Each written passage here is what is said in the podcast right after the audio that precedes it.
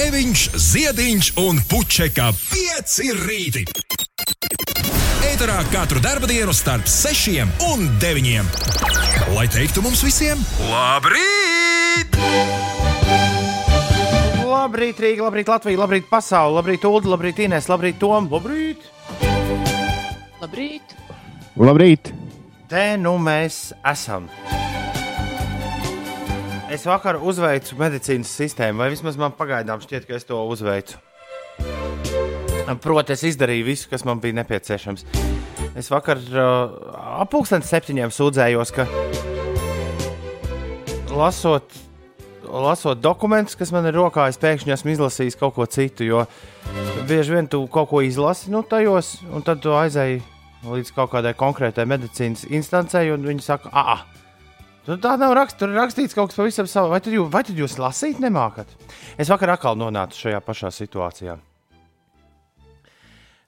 Vēlreiz. Vēl, vēlreiz, atkal. Bet, bet kas notika vakar? Vakar mans galvenais secinājums bija, eh, ka es pēkšņi sapratu, ka es esmu pierakstījies uz doktora vizīti. Eh, Nu, pie doktora uz vizīti. Pūksteni, eh, cikos nu, tur bija pierakstījies. Un pēkšņi es atskārtu, ka ļoti iespējams, ka tas, kas ir rakstīts iekšā tajā lapā, nozīmē, ka man pirms tam pašam kaut kādā, nezinu, kādā veidā ir jāuztais rengens nu, tai, savai laustajai, savam laustiem elkonim. Sacīts darīts. Nu, Zini, kā neiešu es tagad ar, ar vēlnu cīkstēties. Es mēģināju sazvanīt, uh, es vakar pēc raidījuma mēģināju sazvanīt uh, savu traumapunktu, uh, traumatoloģiskās slimnīcas, jā, tur to. Oh, tas arī sarežģīti, kā to sauc. Nu, vienmēr sakot, tālruni, uz kuru man jāzvan, uz kuras zvanīju iepriekš, lai. Traumatoloģijas slimnīcas. Jā, lai pieteiktu. Traumatoloģiskā slimnīca sanāk, ka tai slimnīcai ir kaut kāda nu, kaita. Traumatoloģijas slimnīca. Okay. Jebkurā, jebkurā gadījumā es centos, centos viņu sazvanīt vakar pēc raidījuma. Tas ir gandrīz neiespējami. Iepriekšējā reizē es gaidīju 15 minūtes. Vakar ar katru minūti, ko es vairāk domāju, gaidīju, es sapratu, nē, man ir jāuztais obligāti rengens pirms. Es tur nonāku, jo savādāk var sanākt lielas ziepes. Nu, kādu doktors pakritīs? Uh, paplatīs rokas, teiks, nu, kur tur rēņķis. Nu, jā, bet tur nav, nu, tur nu, neko, neko darīt. Nākamais bet tev neko rēņģi. nevar pārmest, jo tev tiešām tajā papīrā mēs taču kopā lasījām. Tur bija rakstīts, ka uh, rēņģinu un secīgu ārsta vizīti. Tur bija diezgan skaidri pierakstīts. Jā, bet pieteicies, es tikai uz ārsta vizīti. Nu, jā. Nu, es, nezinu, es nezinu, vai man uz rēņģinu nav jāpiesakās atsevišķi, vai man nav jāiet pirms tam kaut kādā veidā rēņģinu taisīt. Ir tik daudz jautājumu, maz atbildes. Ko es daru? Es dodos uz uh, privātu poliklīniku, taisīt rengenu. Vakar pabeidzis radio. Nu, kas ir uztaisījuši rengenu? Viss kārtībā. Tie, ka es tagad līdz rengenam ieeju iekšā rengenā, rengena dāma saka, ieraugot manu elkonu, viņa saka, bet jūs neredzat, mīļais cilvēks, kas jums ir nosūtījumā rakstīts, jo man ir no ģimenes ārsta nosūtījums. Rengena nevar tāpat ietaisīt. Jābūt nosūtījumam. Nosūtījumā rakstīts labā pleca Nu, vienmēr sakot, vārds elkonis ir nomainīts ar.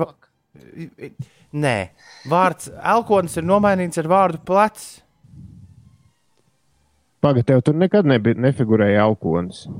Jā, tieši tāpēc arī ģimenes ārsts ir noteikti uzrakstījis nu, to plecu. Jā.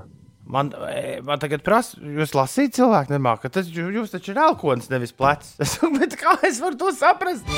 Paskatieties, kas ir rakstīts tajā tur, nu, garajā penterī. Nē, šitā nevar, šitā nevar taisīt. Nebūs nekāda rengena. Pēc tam apdrošinātājs arī sajūgs prātā, jo ir viena cena, ja tu taisi plecam, ja rengena, otra cena ir, ja tu taisi elkonim. Viss cauri, atā, anulējam. Nu, ejam uz reģistratūru, es vēl iesparos pa otru pusi. Viņa man saka, sieviete, ja man sieviete saka, ejam uz reģistratūru, es eju viņai līdzi. Viņa saka, nē, nē, nē ārprāts. Jo viņi iet pa Paga, bet... bet. Klausies. Pagaid, jūs pagaidāt, stop, stop, stop. Jūs jau esat jau sajukuši, jau, jau, jau šajā punktā jau ir divi sajukumi. Jo tu mums sūtīji to, to savu diagnozi. Tev ir pleca kauls pleca kauls iet līdz elkonim. Tev vienkārši pleca kauls tajā galā, kas ir pie elkoņa. Jā, Sa- tikai, tur- jā bet Rengena dāma saka, ka nē, šī tā nav pareizi uzrakstīta. Abi, nu, ko. Bet, bet uzrakstītam jābūt plecam. Tā bija rakstīta. Tā bija rakstīts Rengena nosūtījumā. Bet nē, pa plecu, plecu, re- plecu rengens ir kaut kas pavisam cits nekā elkoņa rengens. Labi, nu ko darīt? Par laimi mans ģimenes ārsts no privāta poliklīnikas atrodas precīzi nu, divu kvartālu attālumā. Šlak, šlak, šlak, šlak, šlak. Aizējis pie ģimenes ārsta kantora. Par laimi ir pieņemšanas stundas. Es saku, tur recepcijā, ziniet, nu, tāda zieba gadījusies. Vienkārši vajag pārrakstīt to nu, rīkojumu. Tur es uzspēlēju vienu, man šķiet, Elenas Deģeneres. setu? Nē, Elenas Deģeneres šito, šito te kauliņu spēli. Un tā laikā man uzrakstīja jaunu, šoreiz par plecu. Šoreiz uzrakstījis tā, kā gribēju redzēt, nu tā, uh, Rengensija. Tagad ir Tagad, pagaid, tev, Nav pagājis. Nu, man uzrakstīja jaunu tad, tad, norīkojumu uz rengeni. Tas es vi- jau esmu sajūts. Tad tev tur bija rakstīts par plecu sākumā, vai nebija? bija. Man nepieņēma ar šo uh, norīkojumu uz rengeni. Un tagad viņi uzrakstīja uz elkoni. Tagad Ja? viņi uzraksta, tā kā grib redzēt rengeni dāmu. Es atgriežos. Apmēram 15 minūtes ir pagājušas, kopš es izsoļoju ārā no, no rengena poliklīnikas. Es atgriežos rengena poliklinikā. Tur viss uz manis skatās kā uz poku. Es saku, jā, rekur, nu, otrais pieejams. Dod savu otro. Nu, beidzot, viss notiek. Viss nobildējumi, viss kārtībā. Uh, mūsdienās viss ir digitāli. Viņi saka, no rītdienas rezultāti būs rītdien, bet tur ir kaut kāds apraksts un, nezinu, varbūt pat fotografijas to var saņemt. Uh, bet uh, man jau māsa, nu, reģistratūrā teica, ka nē, nē, doktoriem pietiek vienkārši ar bildi. Tā kā lai es neuztraucoties. Nu, vienmēr sakot, es tagad uh, laimīgs uztaisīju savu rengenu, atgriežos rādio. Mums šeit bija sapulce 12. Tālāk man jādodas uz traumatoloģijas slimnīcu. Aizēju uz slimnīcu, viss kārtībā, pierakstos. Reģistratorā man saka, tā, bet jums vispirms uz rengeni jāaiziet. Ups! es saku, bet es biju. biji. Es šodien jau biju. Ah, bet jums te ir, nu, doktora uzrakstījusi, ka jums ir norīkojums uz rengeni. es saku, bet man tur šī ir, rekur, man ir kods un viss kā vajag. Doktori bija ļoti priecīgi, ka es esmu uztaisījis rengenu iepriekš. Jo nebija jāgaida. Nebija jāgaida, mēs ļoti ātri tikām galā. Lai gan, lai gan principā tu izdarīji nepareizi, bet labāk, vai ne? I, Nu, Nu, tā sanāk. Gru, savādākos lūzumos esot tomēr specifiski nepieciešams vietējais rengens. Nu, tie mākot labāk taisīt to rengenu. vai ne? nu, tā man paskaidroja. Bet, eh, bet manā gadījumā viss tur bija jauki un labi. Un tagad es esmu aizsūtīts trīs mēnešus draudzēties ar fizioterapiju. Un, un kā ar to ies, iespējams, ka ar šiem stāstiem es pārliekus jūs nenodarbināšu. Tagad ir palicis vēl tikai viens jautājums, tas ir apdrošināšanas jautājums. Kad tu spēlēsi tenisu? Tad es spēlēšu tenisu, tad es spēlēšu skvošu, tad es spēlēšu golfu. Visu es spēlēšu. Visu, pat violi var pamēģināt. Diez vai tu to gribi dzirdēt, bet nu, varu. Klau, palicis ir viens nenoskaidrots jautājums, kur es līdz galam neesmu drošs, vai es visu esmu izdarījis pareizi. Čeku iesniegšana apdrošinātājiem. Šis, ir, šis man šķiet ļoti dīvaini, jo es, es veselības apdrošināšanu, ko piešķir mūsu uh, uzņēmums, uh, ļoti daudz savas dzīves laikā, nesmu, savas darba dzīves laikā Latvijas radio nesmu izmantojis. Man sanāk, pirmā tā saskarsme ar to. Zini, kas man šķiet sviests, līdzīgi kā tu vakar teici, ka tev šķiet sviests uh, nu, apmaksātās budžeta ja, vizītes un privātās vizītes. Tad man sviests šķiet tas, ka uh, vienā brīdī tev var automātiski kā apmaksāt pakalpojumu, kuru tu, tu dari no tavas Jā, es apdrošināšanas. sapratu. Otrā brīdī viņi saka, nē, lūdzu, samaksājiet, un tad jūs varat iesniegt čeku nu, tam savam apdrošinātājam. Tas ir Tāpēc, ka viņiem nav eh, sadarbība, Vai jā. apdrošinātājiem jā, ir līgums vai nav ar uh, ārstniecības iestādi. Nu, labi. Bet tas viss ir arī, arī bez līguma. Ir diezgan vienkārši, ja tev ir aplikācija. Jā, jā, jā, jā. Es visu izdaru. Momentā vakardienas lielo čeku, jo par ārstu vizīti es samaksāju. Bet es pavēlu, pats vainīgs, pavēlu pieteicos. Viss. Man bija pat rakstīts tajā papīrā, ko Ulas tagad studē, un tur sev priekšā, jo es ar to padalījos arī ar Ulu un Ines. Uh, Tur bija pat rakstīts, ka ir momentā, man liekas, jāstājas. Nu, tā kā nākamajā dienā pēc izrakstīšanas no slimnīcas ir jāpiezvan un jāsarunā tā vizīte pēc piecām nedēļām. Es to neizdarīju, pats vainīgs. Okay. Vakar samaksāju to uh, uh, vizītes naudu. Man saka, jā, jūs uzreiz iesniedziet čeku, jums viss būs kārtībā. Es to arī daru. Gaidot doktoru, man bija jāpagaida trīs minūtes. Es, es to izdarīju burtiski turpat uz vietas, uz palodzes, ieskanēju čeku, tad es nofotografēju čeku, visu sarakstīju, kas nepieciešams, iesniedzu apdrošinātājiem. Bet Jā, lietotnē, ja? lietotnē. Bet tagad ir viens liels bet. Nu. Man bija jāsaglabā pats čeks. Nu, Fiziski. Tādā gadījumā, ja tev nu, atmetīs atpakaļ e, e-pastu, ka tomēr tur kaut ko vajag vēl pievienot, tad tev būtu jāuztaisa vēl viena bilde. Bet man tagad tā bilde stāv, nu, saglabāt. Nē, jautājums, vai kāds man Jā, nu- pēc tam neprasīs vēlreiz, uh, lūdzu fizisko čeku, ja nosūtiet tur un tur. Nē, Fuh. to neprasa. Tad es visu esmu izdarījis pareizi, jo es šorīt sapratu, ka es to čeku esmu pazaudējis. Bet tev bija jāpievieno katrā ziņā visi nu, dokumenti. Parasti arī ģimenes ārsta nosūtījums, man liekas. Mm -mm. To neprasīja. Nebija? Tur vienīgais, ā, vienīgais kur es apjuku, bija, ka jānorāda, par ko ir čeks. Tur ir dot kaut kādi 20 uh, iespējas. Bet, paldies Dievam, apakšā ir versija cits. Tā kā tas, man liekas, visās ķibelēs var līdzēt. Es nospiedu cits un esmu ļoti laimīgs, ka tā. Nu, tālāk. Mm, Labi. Bet tev bija vēl citi jautājumi saistībā ar elkoni. Ko lūdzu? Ah, nu, bet to, Es saku, tev bija, tev tur- bija vēl citi jautājumi, bet bail, jau varbūt var vēlāk uzdot. Ne, man bail, ka tie slēpotāji, kuriem tu gribēji uzdot par, kuriem mēs gribējām uzdot jautājumu par alkoholu, ka viņi vēl čuči daži no viņiem. Varbūt arī. Jo pagaidām tā izskatās, ka, jo pagaidām izskatās, ka tikai Edgars, Siguld, uh, Sigulds, Edgars, uh, Rīta, Jānis, Alfrēds un Līvs ir modušies. Nu, mūsu tā teikt, komunālā dzīvokļa biedri. Pagaidīsim, līdz viss māja pamostas, un tad, un tad jau arī būs cerība, ka alpīnisti būs augšā. Es tomēr pierakstu visu šo rūpīgi, jo kaut kas tajā visā iz- izklausās ļoti aizdomīgi. Ar to pazaudēto čeku. Kāpēc? Ah, Man ir slikta priekšnojauta. Tu, tu, tu, es es godīgi tev ir- vēl. fotografija. Nē, nē, viss, viss labi. Vienkārši man bū, nu, tādam līdz pretīgumam, kārtīgam cilvēkam, kurš visus čekus nes mājās. Nē, visus nē. Es vairs, nē, es starp citu, jā, es vairs nekrāju čekus un, un nenesu tos loterijā. Bet man ir eh, nu, cita lieta, man ir tā grāmatvedība. Kur, ko tad?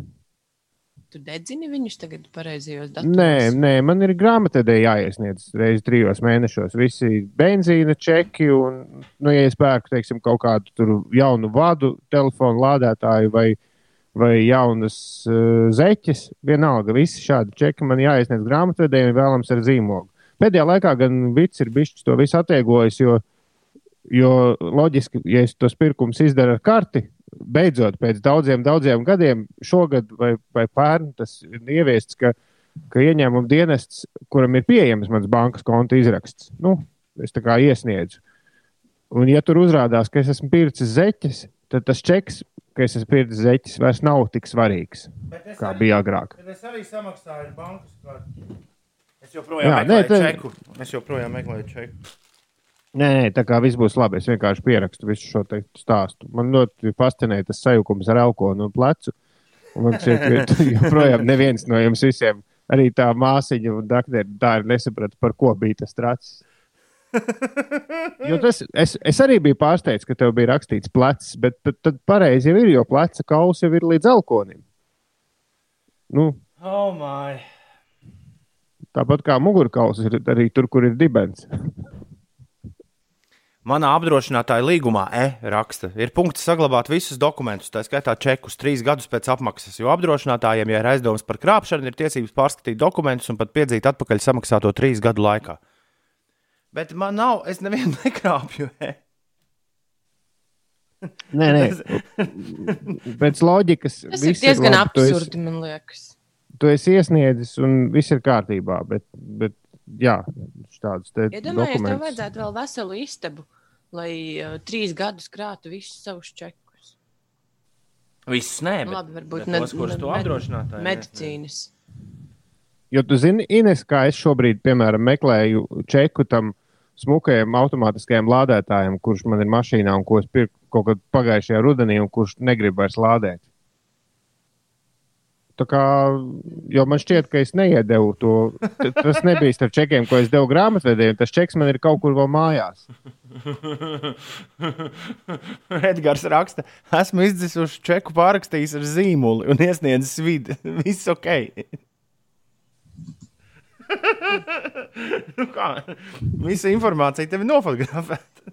Ja, izdzi, ja čeks ir izdzisis, tad to mazliet pasildot ar šķiltavām parādās tie burtiņi uz brīdi, pirms čeks sadeg zilām liesmām.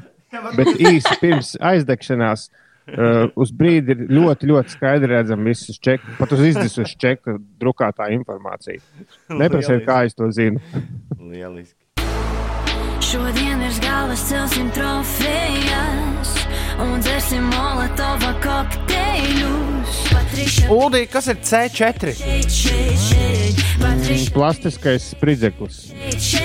To pat arī šādot brokastīs līvas domā. Ja, ja, ja jau reiz viņi dzer molotovu kokteļus. Bet tur ir ir pateikts, tā dziesma. Atcerieties, nākam mēs no gal galā literāras tautas. Nu, nu, kopš kura laika tā nevar, eh, nu tā teikt, salīdzinājumos un mākslīgās izteiksmes līdzekļos eh, pļāpāt, nu tikai modernā. Mākslinieckās izteiksmes. Mākslinieciskās izteiksmes, ko es teicu? Mākslīgās izteiksmes. Mākslinieciskās izteiksmes.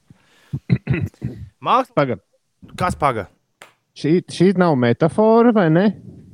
E, Ejam tagad latviešu valodas stundā, lai līvam viss ir skaidrs. Metafora šī. Kas bija metafora? Metafora ir tad, ja tu saki, ka ir margrietiņu acis. Man šķiet, ka tā Jā, šis Es nebūtu, atvēru Wikipēdiju zilo debesu kalns. Lai gan kalns nav no debesīm, bet tu tā vienkārši. Uh, Nē, nē, nē, Pieliec. nē, nē, nē, nē, nē, nē. Šis ir. Šis, Epi- šis manuprāt, ir epitets. epitēts apzīmētājs, kas tēlēni raksturo kādu. Jā. Nu, Man šķiet, ka- Tad, kad eh, es domāju, ka ar šo tekstu Patriša tēlāini raksturo to, kā viņi iedzer kaut ko, kas ir tāds. Vai tomēr tā ir metāfora? Vēl, vēl ir alegorija. Kas tā ir? Kalējs kala debesīs, ogles bija Daugavā. Pārnesta nozīme. Šis arī varētu, jā, šis varētu labi derēt. Alegorija. Ines, ko tu saki? Patrišas Ā, Molotovs šis kokteļi ir aleg alegorija vai nav? Metafora vai Mums epitēts? klausās kāda latviešu valodas literatūras skolotāja. 2, 9, Vai 3, 12. klases skolēns. 293, 120, lūdzu, skolotāji vai skolēni, atrakstiet mums. Jā, mūsu numurs studijā ir 293, 120, filologam ausis kalst. Ak, jā, metafora, protams. Bet filologi piekrīt, ka tā robeža starp metaforu un alegoriju reizēm ir tāda. Nu, it īpaši, ja Tas ir tavs piemin- apgalvojums, ka viņi piekrīt. Es tikai nesaprotu, kāpēc viss piesienas tai par trišai par tieši, tieši par šiem molotovu kokteļiem. Tāpēc, ka domā, ka viņa nav zinājusi, kas tas ir un, un, un, un vēlas pamācīt. Tā cilvēkiem parasti ir. Nu, kad, ha, ha, redz, kā viņi tur ierakstīja smalko kokteili. Nemaz nezinu, droši vien, kas tas ir.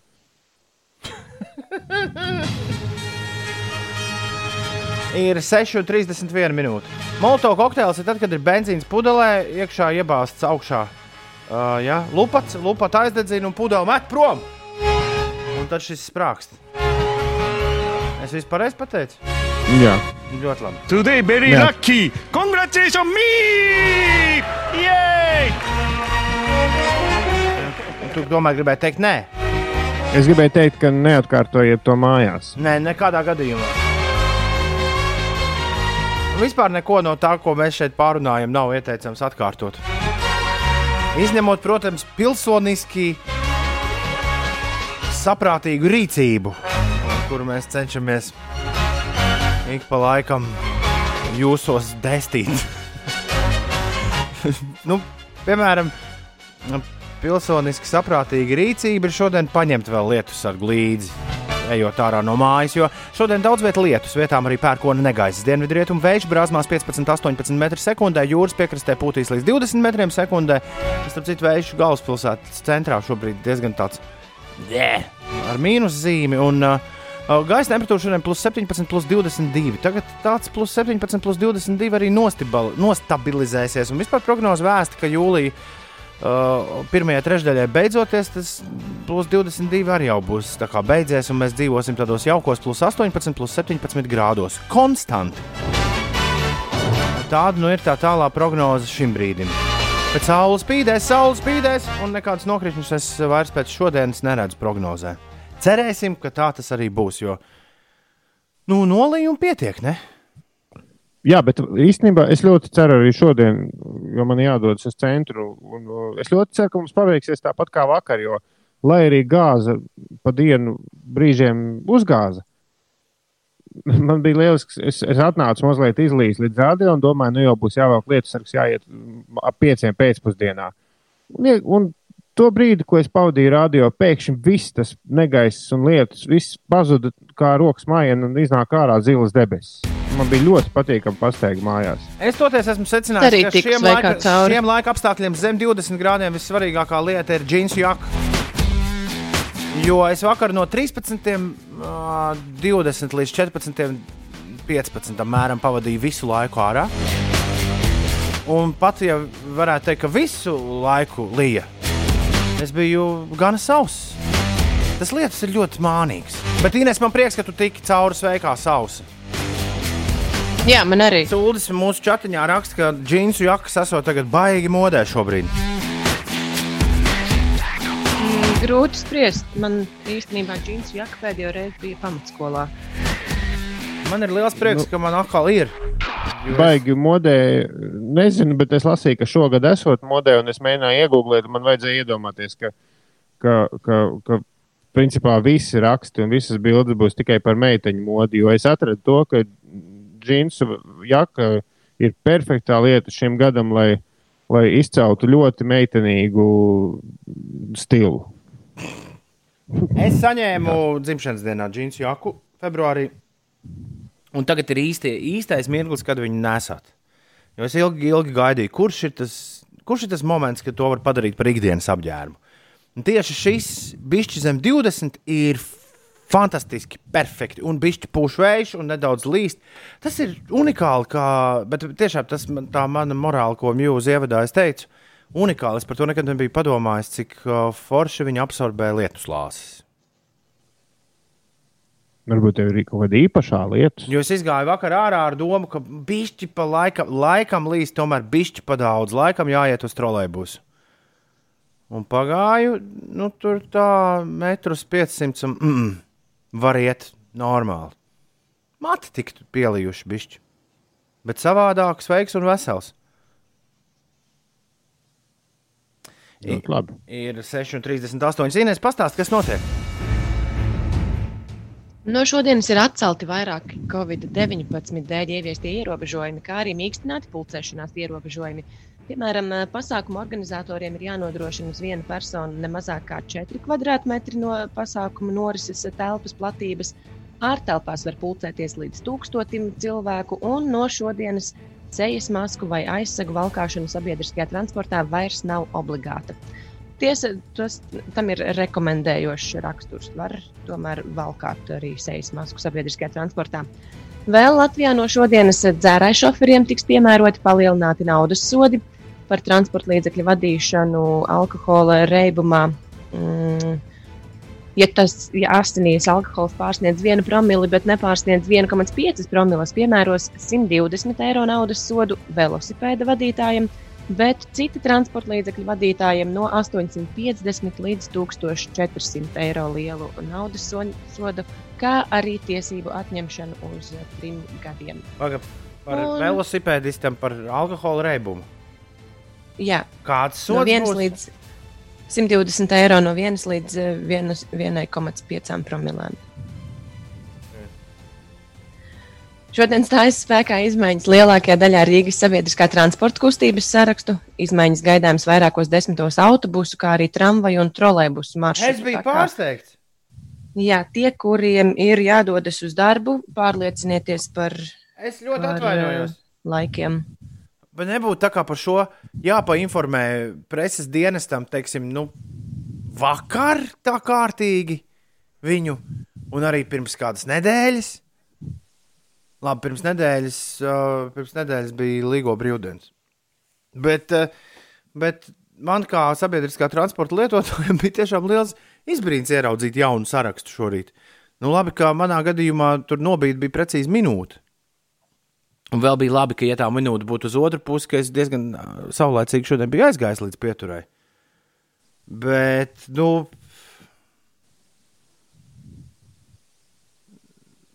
Nu, ko dod ziņa? Labrīt, šorīt jums ir sačakarēts. Labrīt, Rīgas satiksmes ziņo, ka jums šorīt sačakarēts rīts. Varbūt, ka tur Nu, pieturās tās zīmītes jau reizēm ir piespraustas. Varbūt, ka viņi tur bija jau kādu nedēļu. Var jau Jo būt. tur- Tikai pietur bija slēgta, nu, manā gadījumā, jo tur tramvajs negāja. Nu, jā. Bet mēs, piemēram, to pateicām gan agri. Nu, labi, tev bija jādodas agrāk uz darbu. Nu, jā, labi. Mēs ciešam, lai neciestu jūs. Jēj! Tāda ciešanu sāpe bieži dzirdam arī Sabilas Māra, Sabilas Alda un Sabilas Pētera mūzikā. Pirmdēļ piedzīvojumi notici 6.41.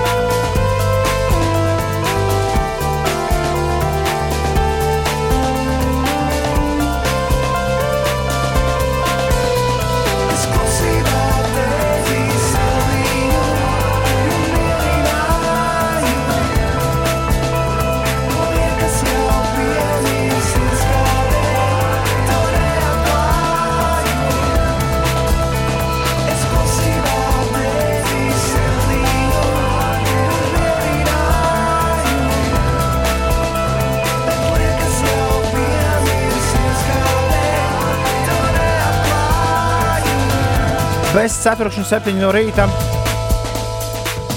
Jūlijas ir sācies! Juhu! Trešdien, 1. jūlijas, skan Latvijas Rādio 5, 5 LV. Tie bija pienvidēji piedzīvojumi. Labrīt! Ines ir dabūjis naudu no. No Aināra. Avio kompānijas. No Aināra. Nē, no savas lēto biļešu avio Nu jā. kompānijas. Nu, bet, No Aināra. Rainārs. Raināra. Labi, jā. Bet es neesmu dabūjis visu naudu. Tas viss ir interesanti. Kā Kā tas bija? Tu biji samaksājis pilnu summu vai ne par divām biļetēm? Jā, es biju samaksājis par divām biļetēm. Tiesa, es abas biļetes pirku atsevišķi, bet uh, Ā, nu, nu kā tad. Tad- tad kontaktpersona jautā- es biju nē, tad- tad- norādījusi. Bet tad atceļam izbrīnu. Tad viss skaidrs. Ah, ok, tad, tad par vienu biļeti tu dabūji ko naudu. Jā, jā. Tā jau pa otru ar kaut kad būs. No Nu, Vācijas es nāca. ceru, bet, uh, Jā, bet bija ļoti dīvaini nu, norādīti tur tie nosacījumi. Nu, ne gluži nosacījumi, bet aizpildot tās visas uh, formas. Man pārsvarā visur vajadzēja tikai vienu to reģistrācijas uh, numuru. Bet, uh, bet, bet tad, kad es sazinājos chatiņā ar uh, kompāniju, es teicu, ka man ir divas biļetes. Nu, nezinu, kas tur gala rezultātā ah, būs. varētu, varētu sanākt, ka tu esi tikai par vienu aizpildījusi vajadzīgās anketiņas. Man ir tādas nelielas aizdomas. Aha. Tā varētu notikt. Nu, tev uh, katrai biļetei tas process ir jāveic no nulles pilnīgi atsevišķi. Jā. Mm -hmm. bet, uh, bet es saku, tad, Nu, viņi neatdod pēc sazinājāmies, Vai tad chatiņā tev tur varēja arī visu kaut ko samuldēt? Kā, kam tad lai es ticu, ja man chatiņā pati avio kompānija var samuldēt? Nē, nē, bet nu, viņi, nē, nu, tas ir loģiski, ka tev uh, atdos tikai par reģistrācijas numuru, nevis par tavu, nevis Inesai Pučakai un pēc taviem personas datiem, bet atdos par konkrēto lidojumu. Līdz ar to tev katram lidojumam ir, ja tie ir pirkti atsevišķi, tev ir pilnīgi no nulles viss process jāveic atsevišķi katram lidojumam. Oi, Jā, Nu, bet nu- pašā sākumā, tad, kad viņi atsūtīja to savu formu par uh, pieteikumiem, voucheriem un uh, naudas atmaksai, tad tur bija kaut kāda neskaidra, man liekas. Jo lidojums ir viens, bet nu, biļetes ir divas.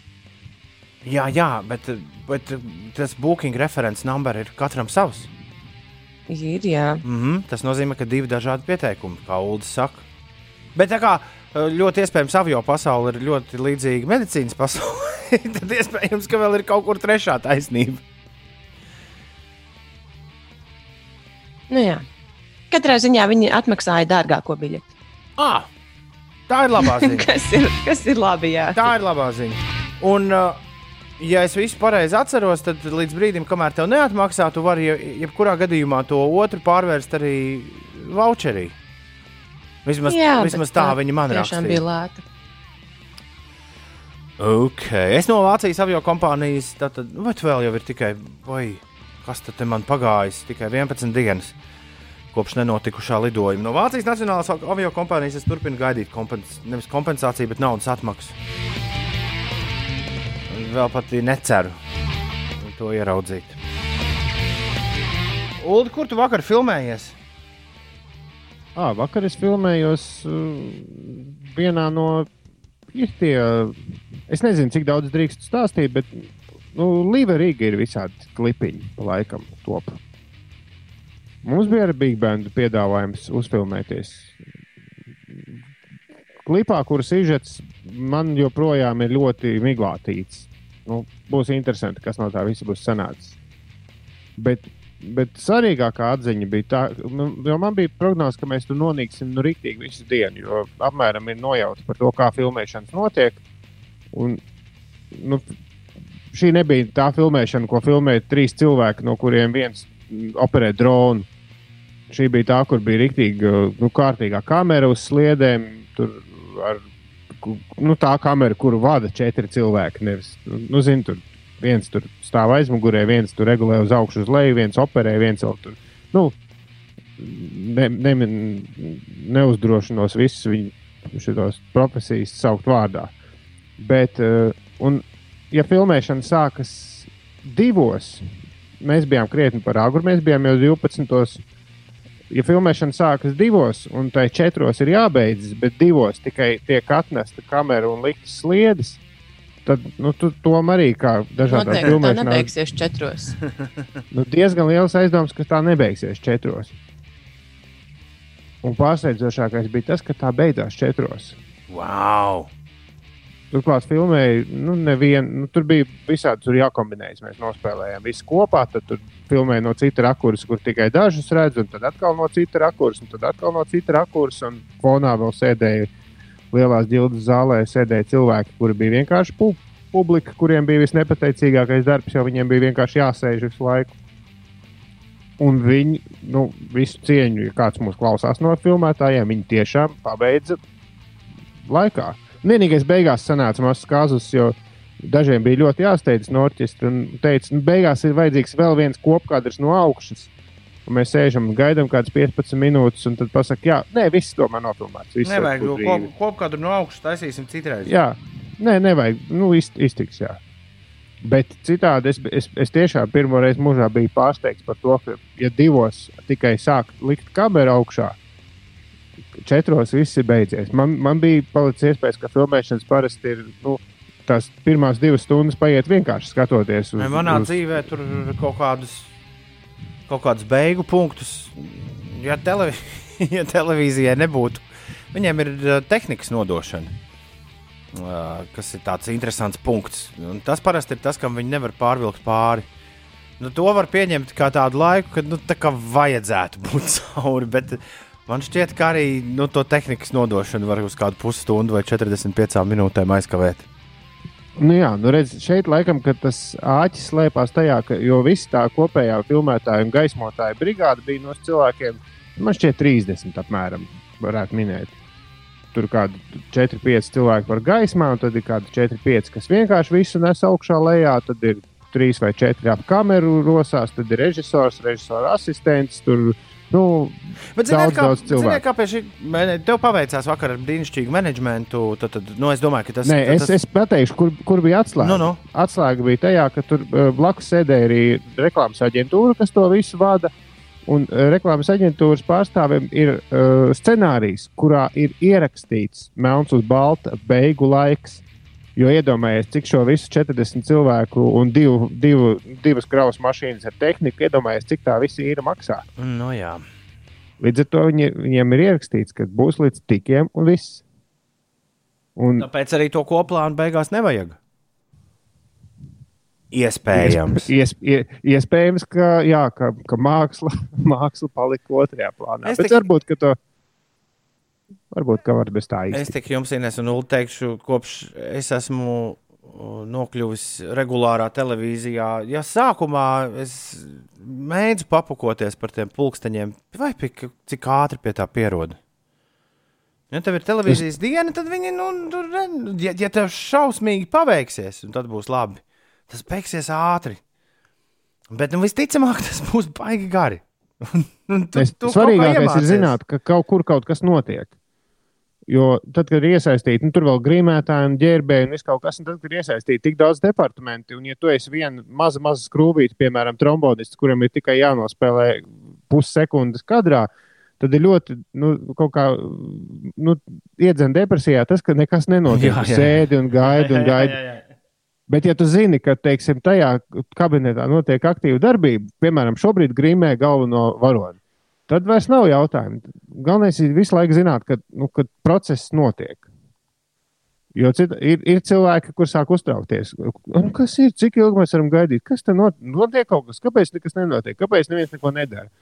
Ļoti svarīgi zināt, ka kāds vienmēr kaut ko dara. Vai arī, ka būs pusdienas? Uldī! Ē!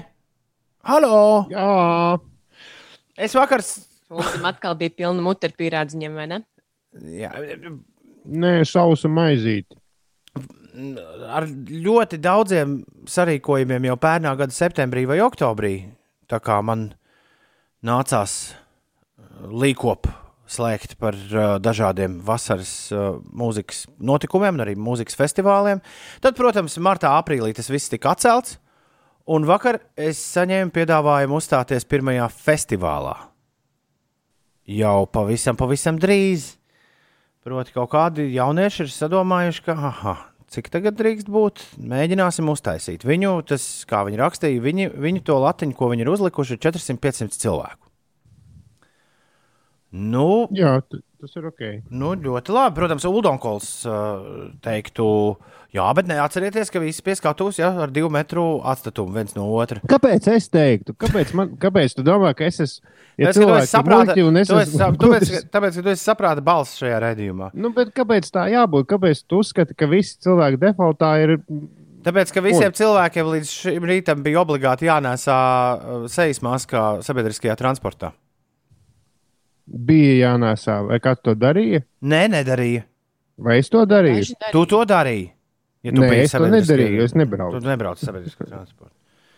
Nu, jā. Es, es to arī darīju.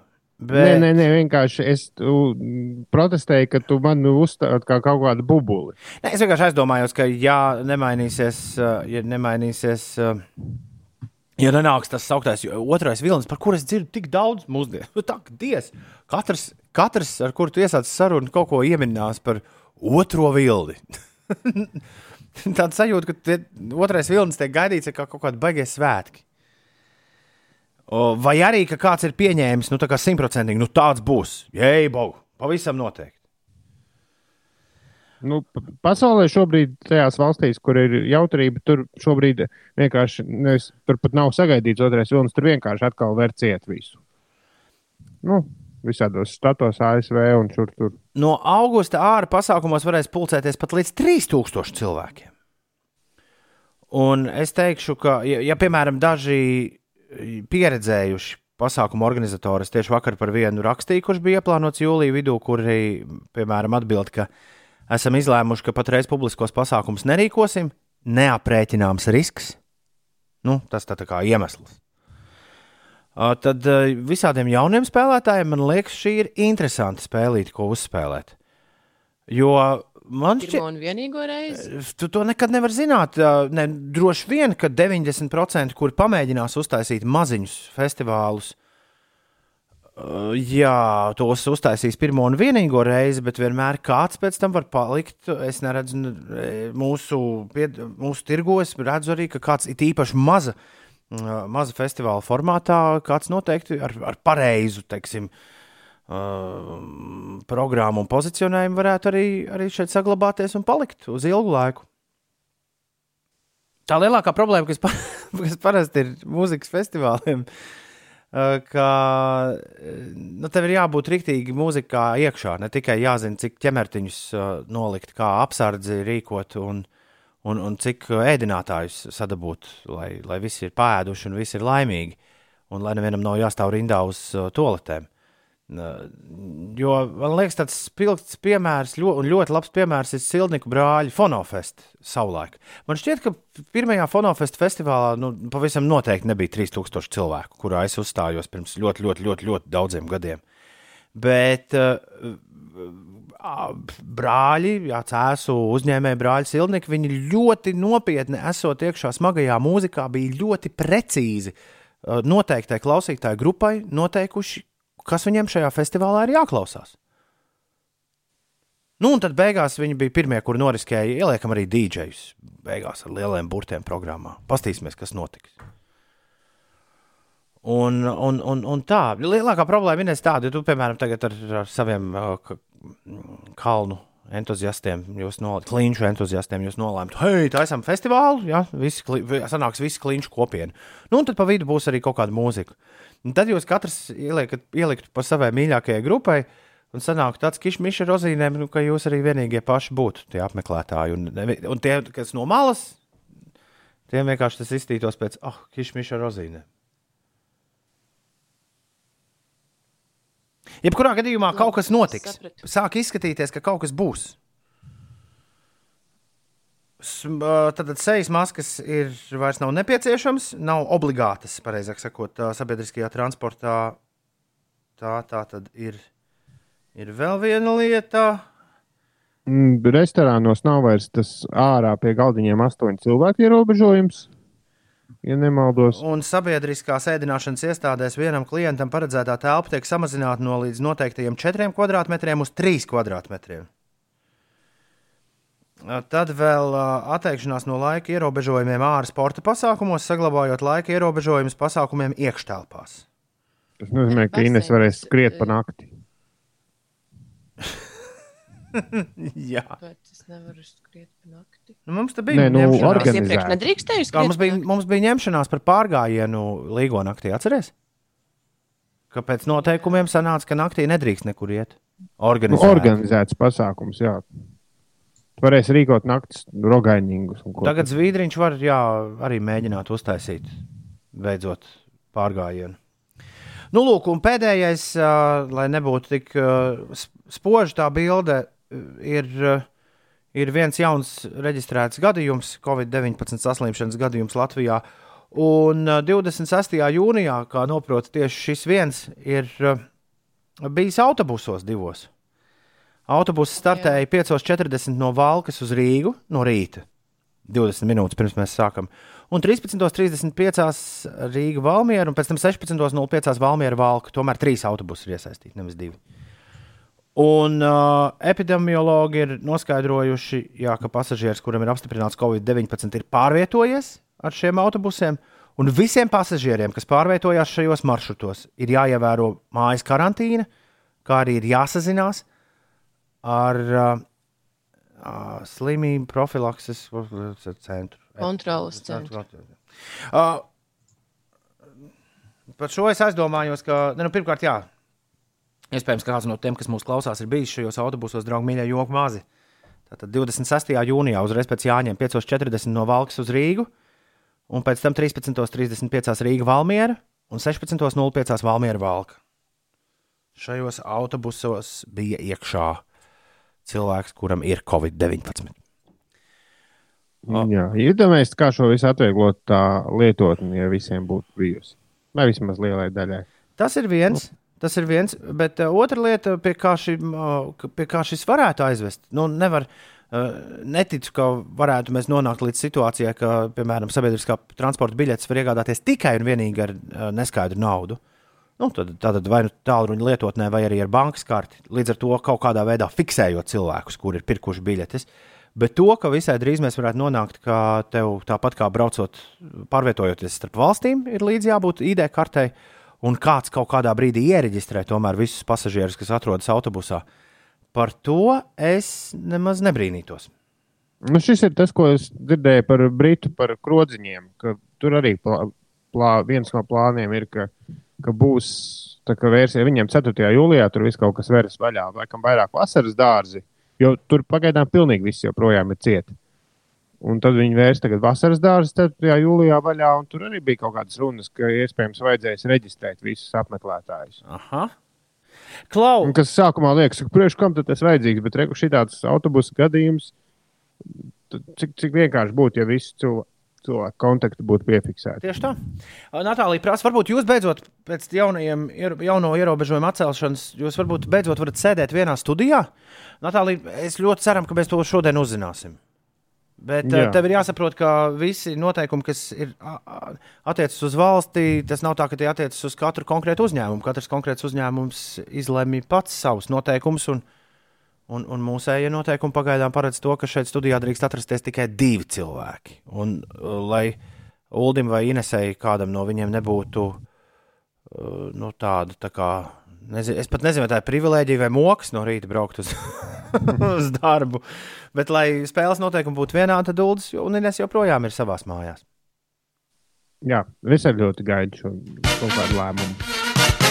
Ir 15 minūtes pāri pusdienas septiņiem, bet pagaidām vēl joprojām. Es jums, Gunārs Aboliņa balsī saku, Mieru, tikai mieru. Pirmais pusgads ir aiz muguras. Laiks otrajam, 2020. gada pusgadam, nes ko tas nesīs.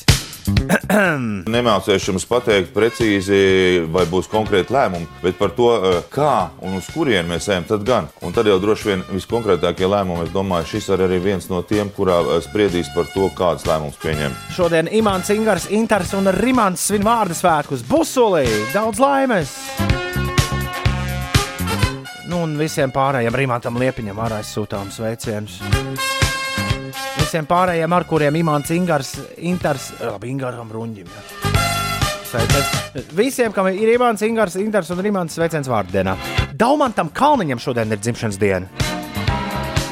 Smalku dzērienu un uh, skriešanas pasākumu oligarhs, es pat gribētu teikt. Aigars Norts šodien ir dzimšanas diena. Liels džēza entuziasts. Daudz laimes Aigar. Alvilam Altmanim, komponistam, ir dzimšanas diena. Amerikāņu reperim Misija Eliots svin dzimšanas dienu. Pamilai Andersonai, Kanādas modelei un aktrisei. Vienai no pludmales patruļas šodien dzimšanas diena. Blondijas solistei Debijai Harijai daudz laimes, aktrisei Līvai Tailerei, kanādiešu aktierim, producentam un uh, scenāristam Denam Eikriodam. Viņš bija gan. Dans Akroits. Dens Aikroits. Eikri, ai- Viņš bija gan gremlinos, gan spoku medniekos. Viņš bija Gremlinos. Sufjanam Es, Stevensam. Laikam vienīgajam indiju čalim uz planētas, kuram ir Oskars. Nu, ja vienīgi Bjorku vēl arī neskaita kā indiju čali. Sufjanam Stevensam šodien ir dzimšanas diena. Vienam no visīpašākajiem amerikāņu dziesminiekiem, kāds šobrīd savā paudzē raksta dziesmas. Un Ulim vēl divas uh, dāmas sveicams. Jā, es vēl gribēju pateikt, ka Den, man Dans Akroits pirmām kārtām asociējas ar blues brāļiem. Viņš bija Elwood Blues. Bet, jā, sveicieni dzimšanas dienā Ivetē Bulei un sveicieni Ilzai Blaubergai. Daudz laimes Ilzai. No manis arī ir sveiciens Valdim Vaisjūnam dzimšanas dienā. Valdī! Lai viss pa pirmo!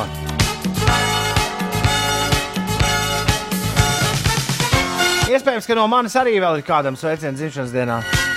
Bet uh, es kā alaž esmu dažādu te tehnikas dievu varā no šobrīd savīstīts. O, Tums ir atrakstījis SMS! Ko? Viņš saka, ir vēja plūsma, dzēstra, ir lietus lāsas sastopamas, ir veldze sajūtama. Putekļi aizskaloti, sausums ir rimies, augi padzērušies, dīķi piepildījušies. Vai ir lieti, vai ir saule, vai ir feina vasariņa. Tā Tūmis rakstā, Tūmis rakstā. Un Nu, ko rakstā? Un sveicini Imantu un Intervādu dienā. Imantam un Interam vārda dienā. Šodien būs gandrīz dzimšanas dienā.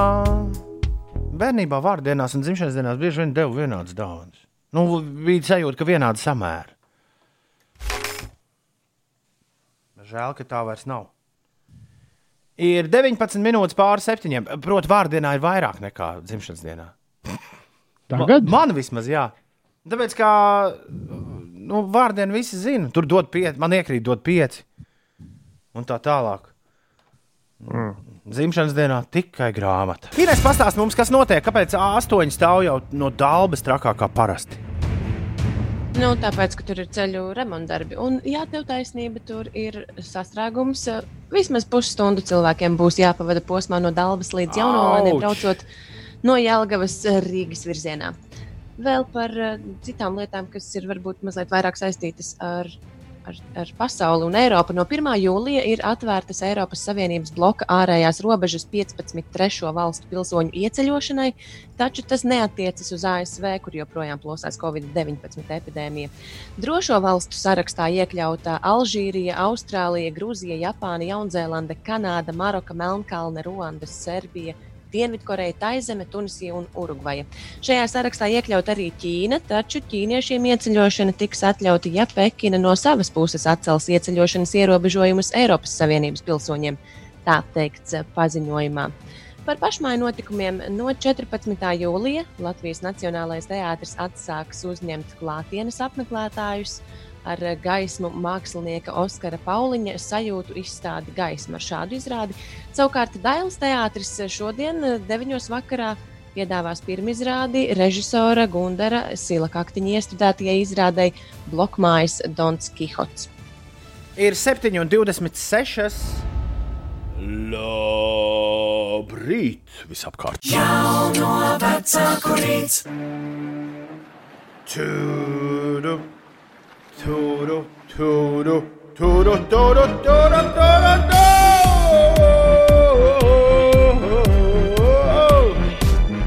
Nu, ko mēs teicam, Zānī?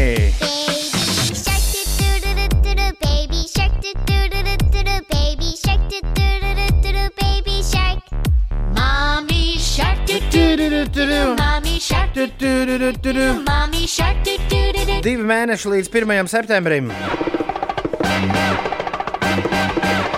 Un, kā runā jaunie vecāki savā starpā, jau nu būs tas jaunais vilnis. Es gribētu redzēt, kā pirmā mācības pirmajā klasē sāksies attālināti. Tas ir tas, kas mums ir jāsagaida. Grēviņa kundze vakar teica, ka viņa runājusi ar kādu psihologu, intervējusi psihologu laikam kādam no nākotnes projektiem. Un, un psihologs teica, ka vecākiem pirmā klase tas ir tieši tas pats, kas bērnu piedzimšana. Nu, es ne, tādā gadījumā es, nevar, es tiešām nevaru sagaidīt pēdiņās. ko, ko tas viss nesīs?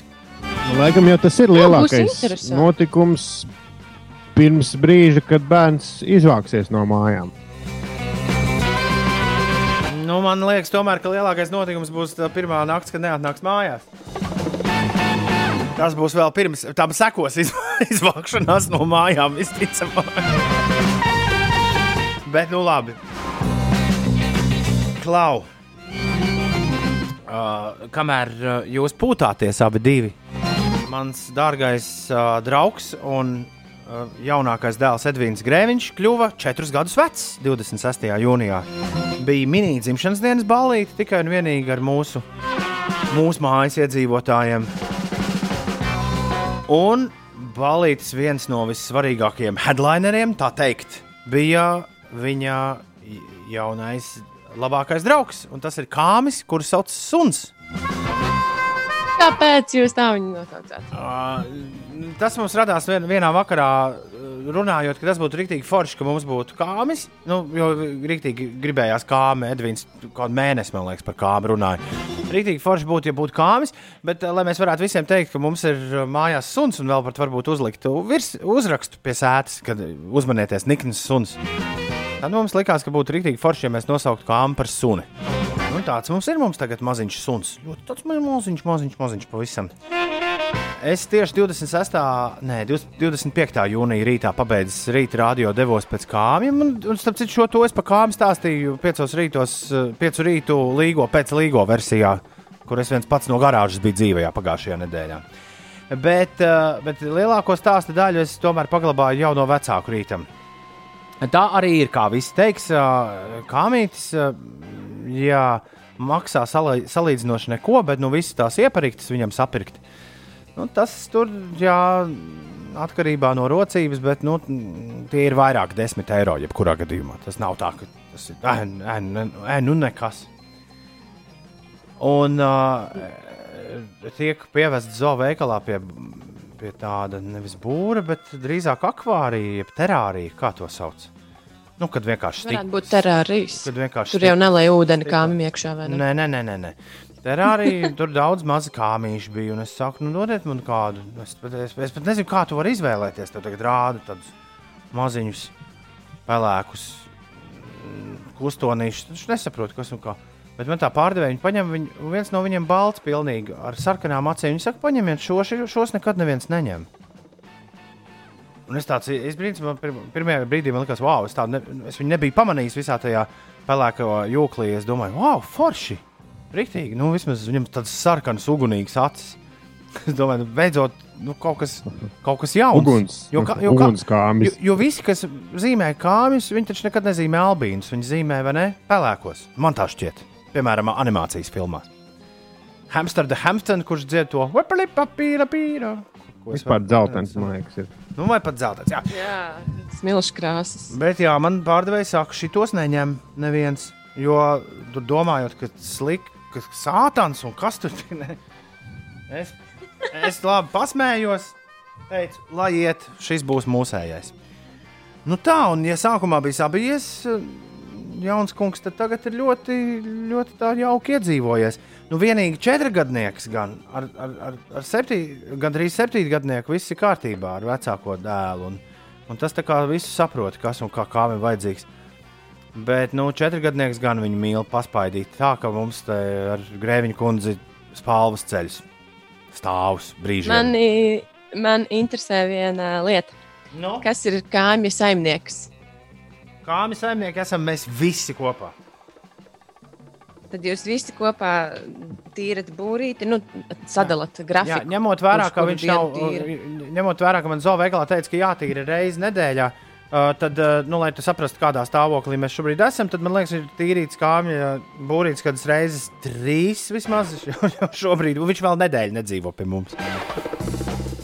Bet, uh, nu, labi, i- patiesībā es, es ne, neredzu vispār nekādu, nekādu problēmu ne, ar to tīrīšanu. Ak, Dievs, būtu suns, iedomājies, būtu jāved katru rītu vēl pirms rādio ārā. Wow! Vi- Vienmēr sakot, viss ir, viss ir forši ar uh, šo jautājumu.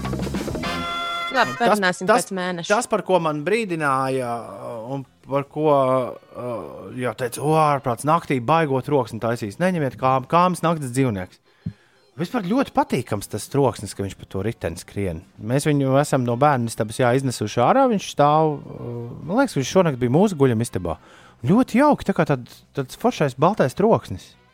Viņš diezgan atgādina, tas vismaz mūsu ritenītis, kas ir kāmiem būrī, viņš atgādina tā kā pērkonu. Jā, padomā, varbūt vēl es viņam varu ielikt kaut kādus tur skaņas efektu mašīnas, un viņš pats var, nu, tad, varbūt kā, no kāmja var sākt taisīt kaut kādu, ne? Mūziku, jā. Ambient mūziku, jā. Varbūt beigās es arī kļūšu bagāts kādu dienu.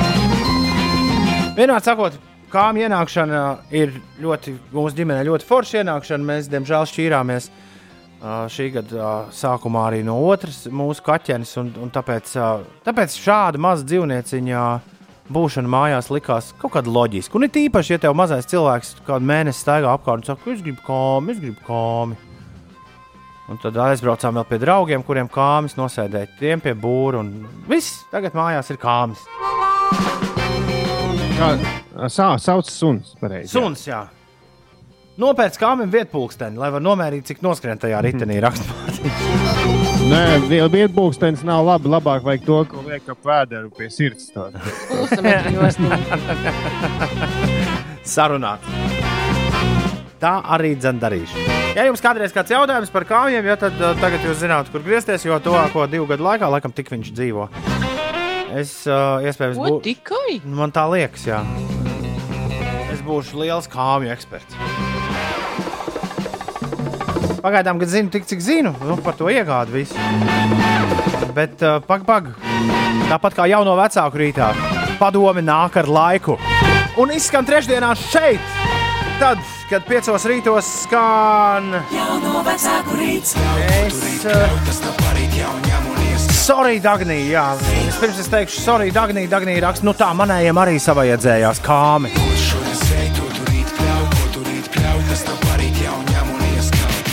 Es šodien piekrītu, ka neesmu pārāk labi sagatavojies raidījumam, jo man nebija pie rokas runājot par kāmi.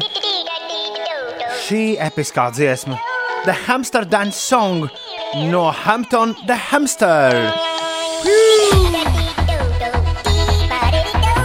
Būs jāuzstājas TikToks ar kāmi un ar šo lielisko skaņdarbu.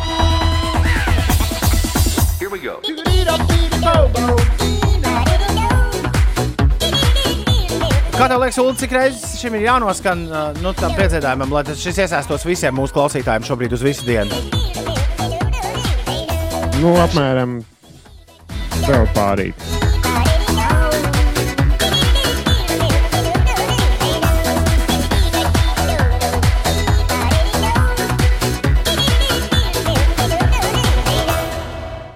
Labi.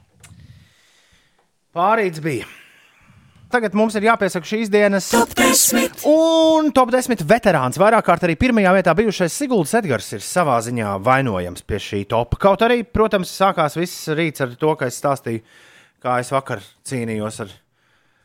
Galvenokārt jau ar rengēnu taisīšanu. Tā bija nu, galvenā lieta, ko patiesībā es varēju arī, kā beigās izrādījās, nemaz nedarīt. Edgars uh, Siguldā mums atrakstīja, noklausoties manus stāstus, uh, šādu stāstu. Tad, kad meita bija maziņa, ap trīs gadu veca, uh, uz jauno gadu laiku nokļuvām bērnu slimnīcā ar aizcietējumu, taču personāls pieņemšanā mūs bija iereģistrējis ar caurēju. Un, attiecīgi, arī veica ārstēšanu. Turklāt, ne par ko neticēja mums, jaunajiem vecākiem, ka ir notikusi kļūda. Mums te viss ir ar caurēju! Un punkts. Beig, beigās mums vajadzēja parakstīties, ka atsakāmies no ārstēšanas, lai vispār tiktu mājās. Tas diezgan briesmīgi. Ja tev zīdainis ir. Šitā te. Uh, Klau, 29, 31, 202, šorīt mēs vēlamies top 10. sarindot pārpratumus medicīnas iestādēs. Jā, pārpratums, kuros tu esi iekūlies vai iekūlusies medicīnas iestādē. Jā. Ines Uldi, jums arī bija Es kāds mēģināju pār- visu šo laiku izdomāt, bet man nekas tāds uh, nenāk prātā tik, uh, tik iespaidīgs kā Siguldas Edgaram. Jā, man, man arī ir paveicies mazliet turēties pa gabalu no medicīnas iestādēm. Nu, ja neskaita to vienu reizi, kad man bija ļoti nikna saruna ar ārstu, kurš man lika neskatīties, ka man šūja pirkstu, un es gribot, gribēju skatīties. Un viņš teica, nē, neskaties. Un Es saku, nē, es gribu Bet ši- skatīties. Bet šis Nē. ieskaitās, šis ieskaitās. Beigās aizvilka aizskaru priekšā. Es, nu, Kāpēc? Man, nu, nu, laikam, ka viņiem ir pieredze, ka vairāk tomēr, nu, man bija tur rādītāji pirkstam, bija uh, brūce, kas bija jāsašoja, un viņiem laikam bija pieredze, ka vairāk cilvēki nu, ģīpst un nevar panest kaut kā to skatu. Un Man, man kā šausmīgi nepatika neredzēt, ka kaut ko dara. Tas pats ar spricēm. Es nevaru izturēt, ka to dara man nezinot. Oi, nē, es to atkal nevaru skatīties. it nemaz. Un Kā ar zobārstu apmeklējumu tev? Nu, nē, tur es spoguli nelieku. Tev arī Paldies. vajag. nē, nē, nē, tur gan, tur gan var iztikt. Es tev vienreiz esmu stāstījis, ka es ģībstu parasti, tad, kad man ģībens nāk, tad, kad man asins paņem. Nē, Tad tagad būšu izstāstījis. Uh, Pēdējo reizi stājoties slimnīcā iekšā, lai, lai labotu elkoni vai pleco, par to vēl zinātnieks strīdās, ko es līdz galam esmu salauzis. Uh, Bet uh, stājoties slimnīcā, atkal ņēma asins, un es vienkārši sēžu un es jūtu, nu nebūs labi. Nu, tā kā nav labi, es, es arī saku, man liekas, ka rīktīgi nav labi. Un bija tāds jauns čalis, uh, kurš uh, māsiņa kā māsiņa, bet uh, jauns džeks pie datora, kurš visu reģistrē un pilda manu to iestāšanos slimnīcā. Un viņš uh, pilns ar tādiem labiem, uh, labiem melniem jokiem. Viņš saka, jā, jā, parasti tieši vīrieši vecumā no 35 līdz 40 ir tie jūtīgākie pret šo asins ņemšanu. Bet tā tiešām Bet ir. man- Nezinu, kāpēc. Bet es kopš sevis atceros, liekas, es vienmēr ka... esmu. Tas ir ārprāts. Es biju bijuši pat gadījumi, ka es veselu dienu nostaigāju ar galvu, kas griežas pēc tam, kad man paņem asins no vējas. Man, man, man, man, nu, labi, man tā, tā ir cita lieta, bet man liekas, ka pieaugot, pieaug arī tā baiļu sajūta. Nu, piemēram, kādreiz man it nemaz nebija bail iet pie zobārsta. Es varēju iet un sēdēt krēslā, un man tur varēja urbt un visu kaut ko darīt. Un tādā laikā jau tādas uh, atsāpinošās lietas nebija kā šobrīd. Bet pat ar visām tām atsāpinošajām lietām, šobrīd man ir krietni vairāk bail nekā bērnībā iet pie zobārsta.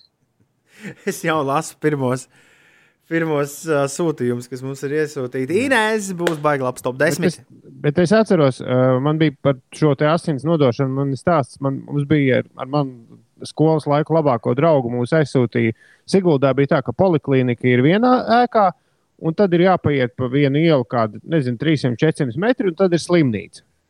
Un mums noņēma asins po, tajā poliklinikā. Tad iedeva katram pašam to, kā to sauc, nevis ampula, bet uh, mēģi, ne, mēģina laikam. Nu, tāda uh, vertikāla nu, stikla caurulīte. Diezgan nu, Mēģināt. tādās reizēs, festivālos tādās reizēm dod to briedīšu dzērienu dzert. Un iedeva mums katram to savu šķidrumu, to, to mēģinīt caurspīdīgo rokās un teica, nesiet uz slimnīcu. Un tur dodiet tajā un tajā kabinetā. Man liekas, mūsdienās tā vairs nevienam neļaut darīt. Mēs mierīgi savu to asins devu. Diezgan, nu, cik tur daudz tie mililitri sanāca. Nezinu. Soļojam tos 300-400 metrus uz slimnīcu, un man tas draugs paliek bālāks un bālāks. Skatoties uz to savu šķidrumu. Un beigās pie slimnīcas durvīm viņam nācās atsēsties un teikt, patur, man liekas, es citādi nometīšu zemē. un nācās tad tur iet meklēt ožamo spirtu, ko, jo viņš ar taisījās uz ģīpšanu. Bet tas dažreiz ir interesanti, jo ģīpšanai arī, ja to izraisa kas cits, kā man diemžēl dzīvē ir patie, patiesi reti, bet gadījies. Ar ģīpšanu ir tā, ka tu uzreiz vari pateikt, ka tu ģīpsi. Nu, piemēram, ja mēs visi kopā būtu studijā, tas ir viens no maniem lielākajiem burgiem, ka es noģīpstu pie radiopults. Bet, ja es ģīpstu, tas jums pateiktu, to, to visu dzirdētu. ka Man, piedodiet, draugi, mīļi, man liekas, ka es ģīpstu. un, un, un pēc šiem vārdiem man tā Jā? Jā, man tā ir. Tas patiešām. Tas Jo- ir ļoti Draugi, mīļie, Es interesanti. tulīt atpūtīšos mazliet. Nē, pagaidiet, es, es ģīpstu tā. Jo visas ģīpšanas, tad, tad mums jātaisa nākamā nedēļa ģīpšana tops, jo visas ģīpšanas, ko es esmu piedzīvojis savā dzīvē, ir īpaši tad, kad tas notiek skolā, kur visi sadzen karstā zālē bez gaisa un liek stāvēt kājās ilgu laiku. Man viena klases biedra regulāri ģība šādā brīdī. Viņi parasti to darīja pilnīgi nebrīdinot. Bija tā, Tajā- cilvēks. Tajā topā uzvarēja skolēnu dziesmu svētku pirms četriem gadiem, diemžēl. Uh, bet, Jā. labi, šodien mēs top 10. vēlamies apkopot negadījumus medicīnas iestādēs. Kādi jums tā ir tie bijuši? Pārpratums. Pārpratums. Jā. 2, 9, 3, 1, 2, 0, 2, 0, 2, 9, 3, 1, 2, 0, 2, 0 sūtām SMS. 7,46 ir vasarā.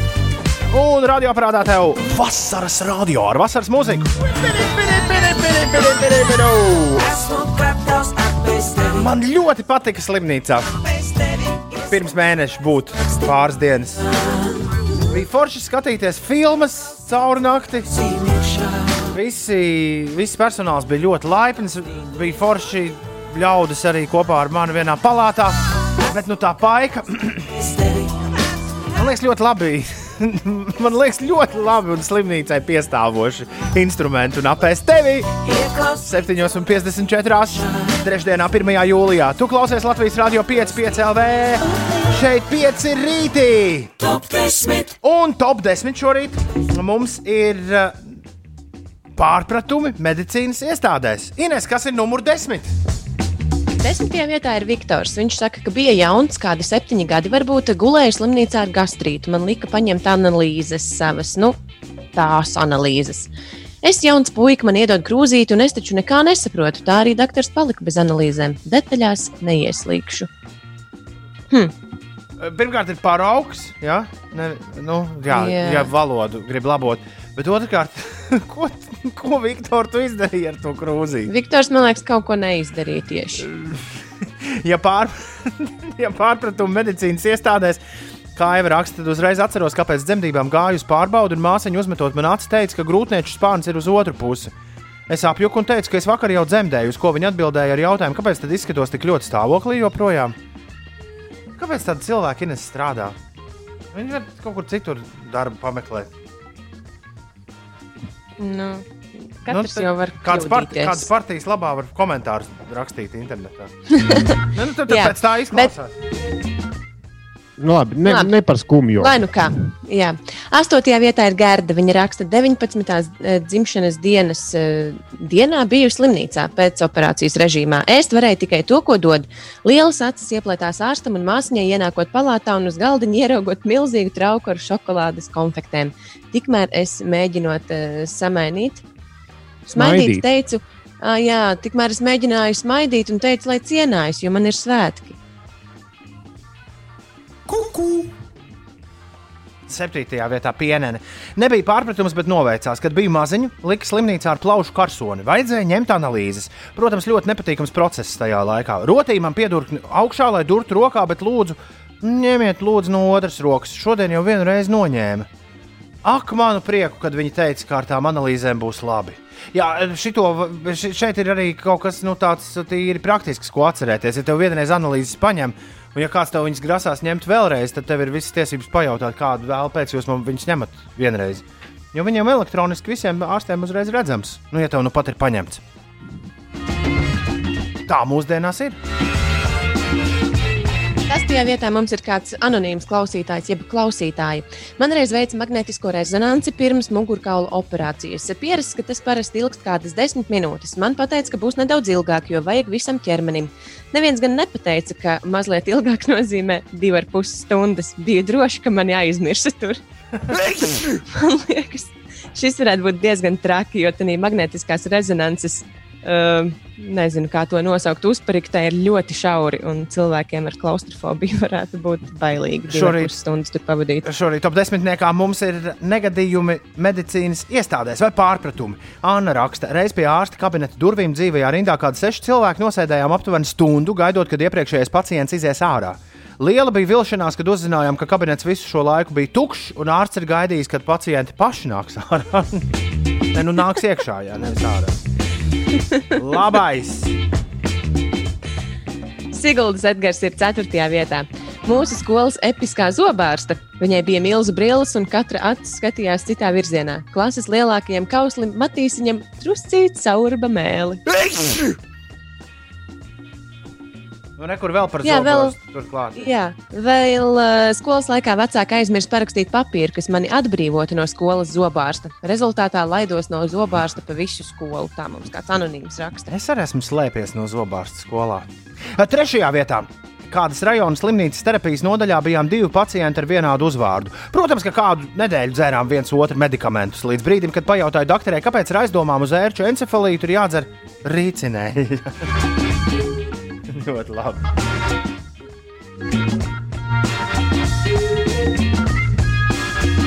Ines.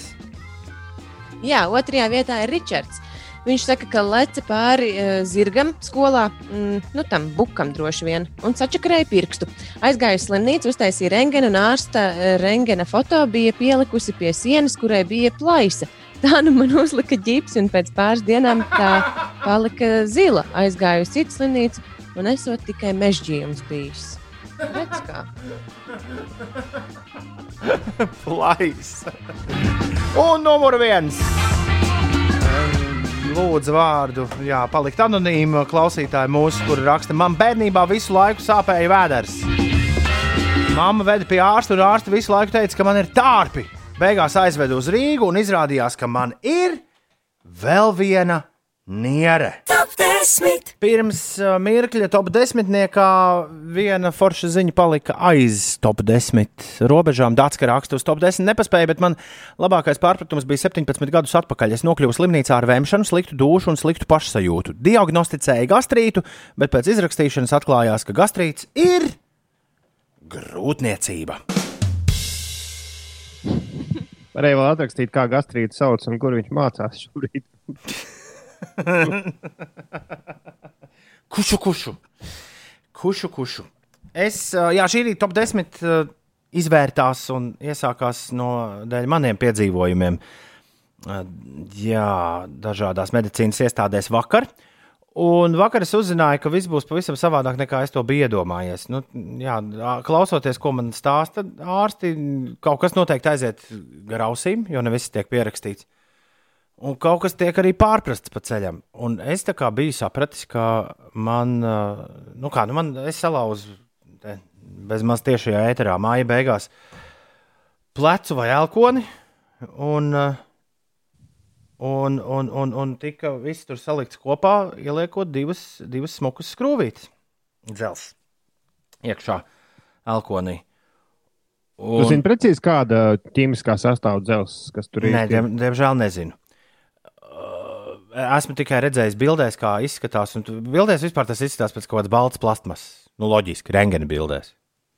Bet uh, ku, kaut kur es biju. Man šķiet, ka mm, ģimenes ārsta praksē ar māsiņu runājot, sapratis un pārpratis. Nevis sapratis, bet pārpratis, ka visai drīz man tos dzelžus ņems ārā. Un es tā biju apmēram arī iedomājies, ka kaut kad jūlijā uz vēl vienu nedēļu es došos uz slimnīcas kinofestivālu, un atkal viss sāksies no sākuma. Uz ko vakar doktori atbildēja, ha! Dzelžus jau var ņemt ārā tikai pēc kādiem diviem gadiem. Un norīkoja man doties pie fizioterapeita un mēģināt iztaisnot to roku. Cits nav vairs tālu līdz tam, bet, bet nu jā. Uh, līdz ar to uh, uzreiz pirmais jautājums, ko es uzdevu Inesai un Ulim, bija, nes, kā man lidostās turpmākajos, nu, tuvākajos divos gados. Jo Jā, man bija divi varianti. tuvākajā laikā es negrasos nekur mieru, tikai mieru doties. Nav ne rocība, ne arī vajadzība. Bet tu vari aizbraukt, uzprasīties, pārbaudīt. Nevaru. Tad ir- tam ir vajadzīga biļete. Nu, lūk, un, un, un Inesē bija divi varianti. Ines kādi? Jā, viens variants ir tāds, ka tev droši vien ir jābūt līdz kaut kādam medicīniskam dokumentam, kas eh, paskaidro to, ka nu, tev zem ādas ir eh, dzelži. Vai arī otra lieta, vai gadījumā šie dzelži tomēr nepīkst, ejot caur skeneri. Uh, Jā, un šī ir, šie ir jautājumi, uz kuriem mēs paši nespējām atrast atbildi. Tāpēc vēlējāmies, varbūt kāds no jums mums var palīdzēt. 2931, 202, jo noteikti ir kāds uh, pieredzējušs slēpotājs, kurš ir regulāri braucis uz kalniem ar visādiem dzelžiem iekšā. Jo, jo tie nes, kāpēc mums šķiet, ka krīt visvairāk, vai ne? Nu, snowboardisti, slēpotāji, droši vien kādam ir gadījies. Jā. Skrūvēt roku kopā. Visticamāk, es domāju, ka mm, tad, kad tev pārbrauc pāri pēc tam ar to pīkstuli, tad jau viņi saprot, nu, kur tur suns aprakt. kāju. Var jau būt.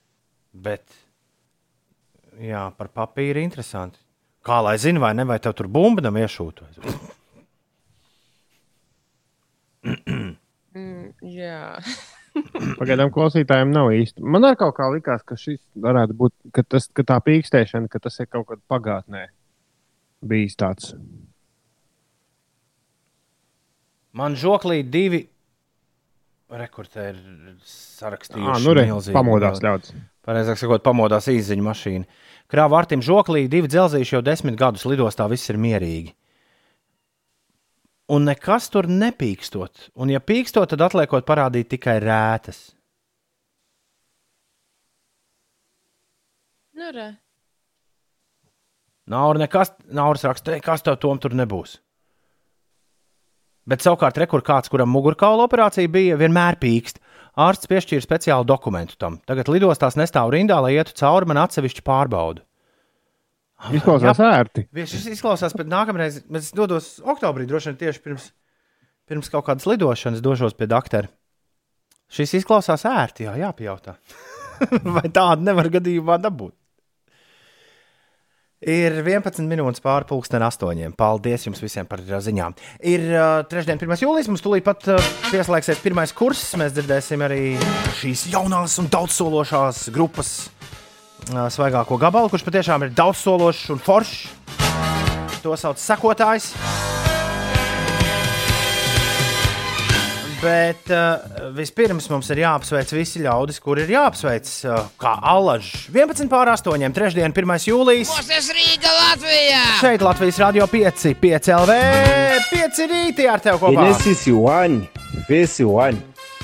In the beginning, in the in the the be- beginning, benini- in the beginning, Bang, be- beginning, in nē, the in, in beginning. uh, in the in Bini, in the bini, bini, beginning, bini. yeah, in in in the beginning, in the beginning, in in in. The be in in the beginning.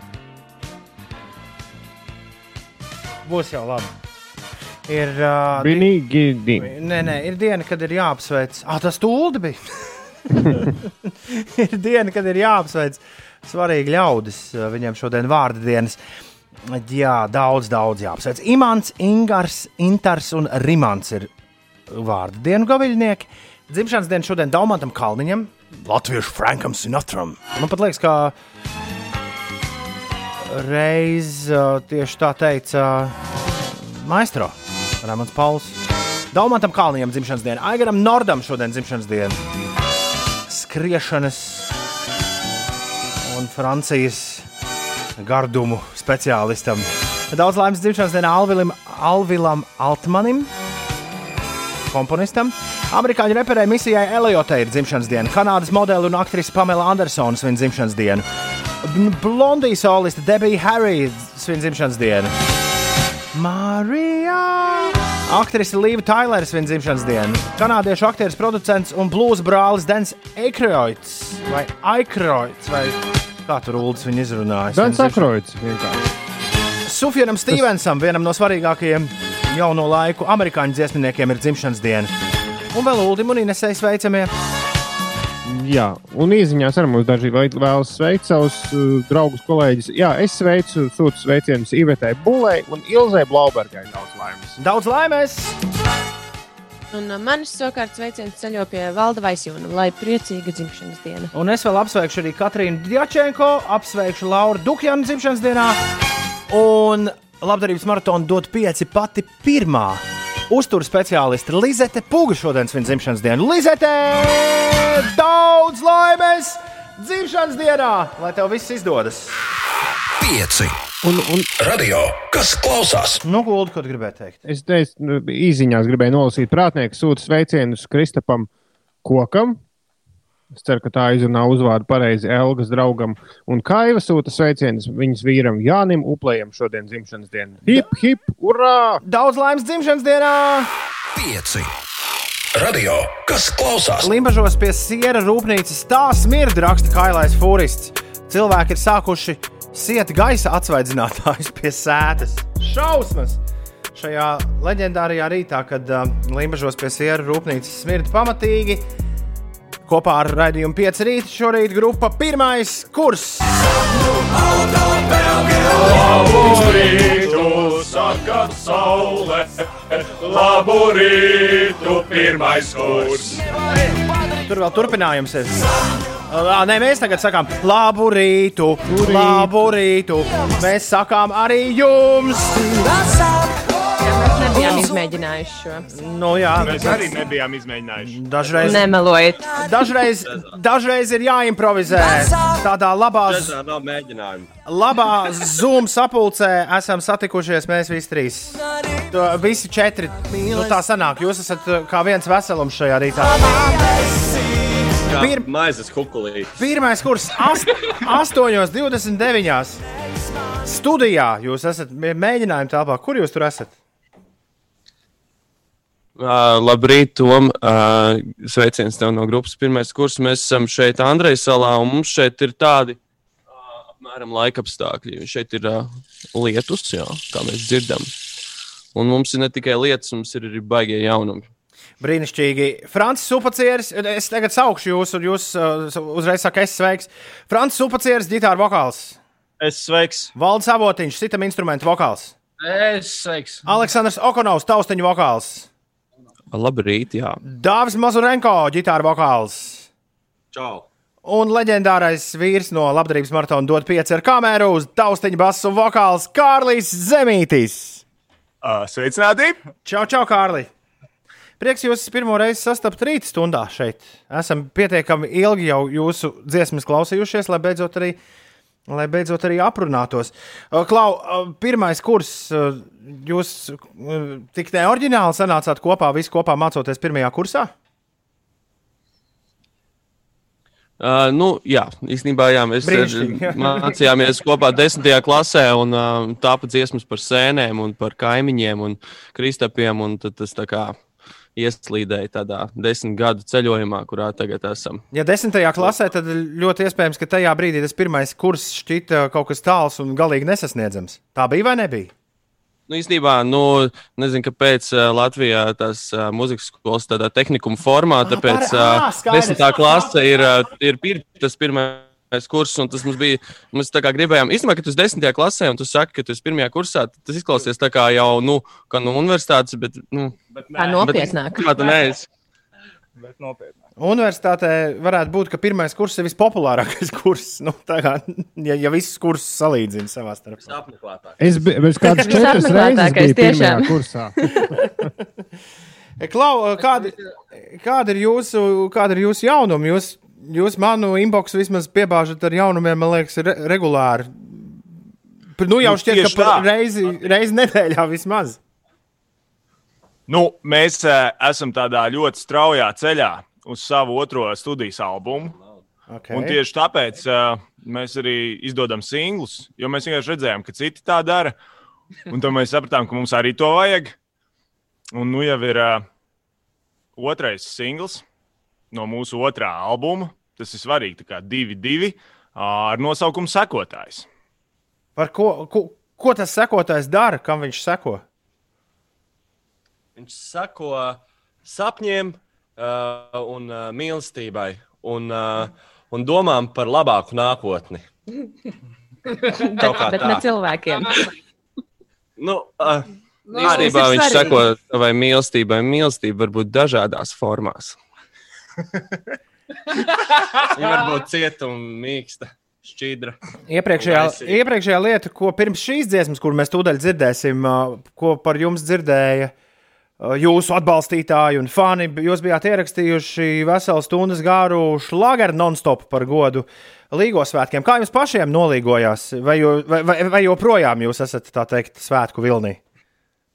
Mēs esam tādā vilnī, ka vienkārši nu, sit pāri. Vienkārši. Ne, tiešām baigi jauki. Mēs ar vīriešiem saņēmāmies, uztaisījām baigo playlist, 20 dziesmas vienā mēnesī, iespiedām iekšā šajā Spotify. Tur viņš vēl joprojām stāv, nav izņemts ārā. Ā, Var dzirdēt mūsu iepriekšējo darbiņu šlāgermeistaru top 20. Nu, ja gribās tā atgriezties pie ugunskura un, Jā, jā, bet, un uzsprāst kā jums- uz. Bet kā jums pašiem Līgo pagāja? Jūs kopā svinējāt vai atsevišķi? Nu, es toču svinēju atsevišķi, es biju preļos. Es nezinu, vai pārējā grupa svinēja kopā vai nē, bet cik man zināms, tad viņi nesvinēja kopā. Jo nu, mēs bijām tik daudz laika pavadījuši rakstot šo garo šlāgeru non-stopu, ka nu, mums vajadzēja atpūt vienam no otra. Cik daudz koncertu piedāvājums jūs esat saņēmuši šobrīd? Nu, Šo... O, ļoti daudz. Mēs, mēs, tom, tā kā, mēs tiešām daudz cilvēku interesējās. Un tad viņi atceļ tos koncertus. Vai ne? Jā, man arī bija tāds viens ļoti labs piedāvājums, arī atcēlās. Nu, piedāvājumi tiešām ir. Tā ir. Pie... Jā. nav, nav, nav jāsūdzās šajā laikā. Nu, tad, tā teikt, pacelsim mūsu tējas vai kafijas krūzes šajā rītā par godu tam, ka piedāvājumi ne, nenoplok. Un, dāmas un kungi, pirmais kurs ir klāts ar pavisam jaunu gabalu. Tā nosaukums ir sekotājs, un tas skan šādi. Vienmēr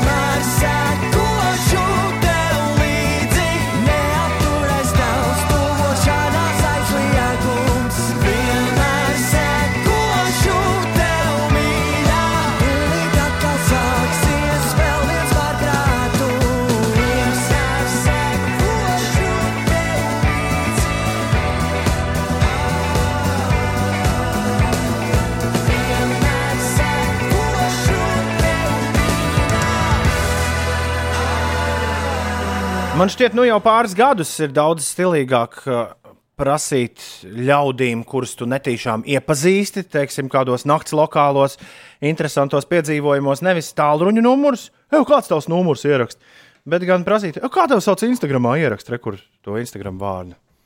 Tas man par sekotāju, tā kā, nu, klausoties dziesmu, par to es nedaudz aizdomājos. Kā ir, kāds no jums arī ir novērojis ko tādu? Jā, mēs esam reģistrējušies arī Instagram. Mums ir arī gan privātie konti, gan arī mums ir grupas konts, at pirmais kurs.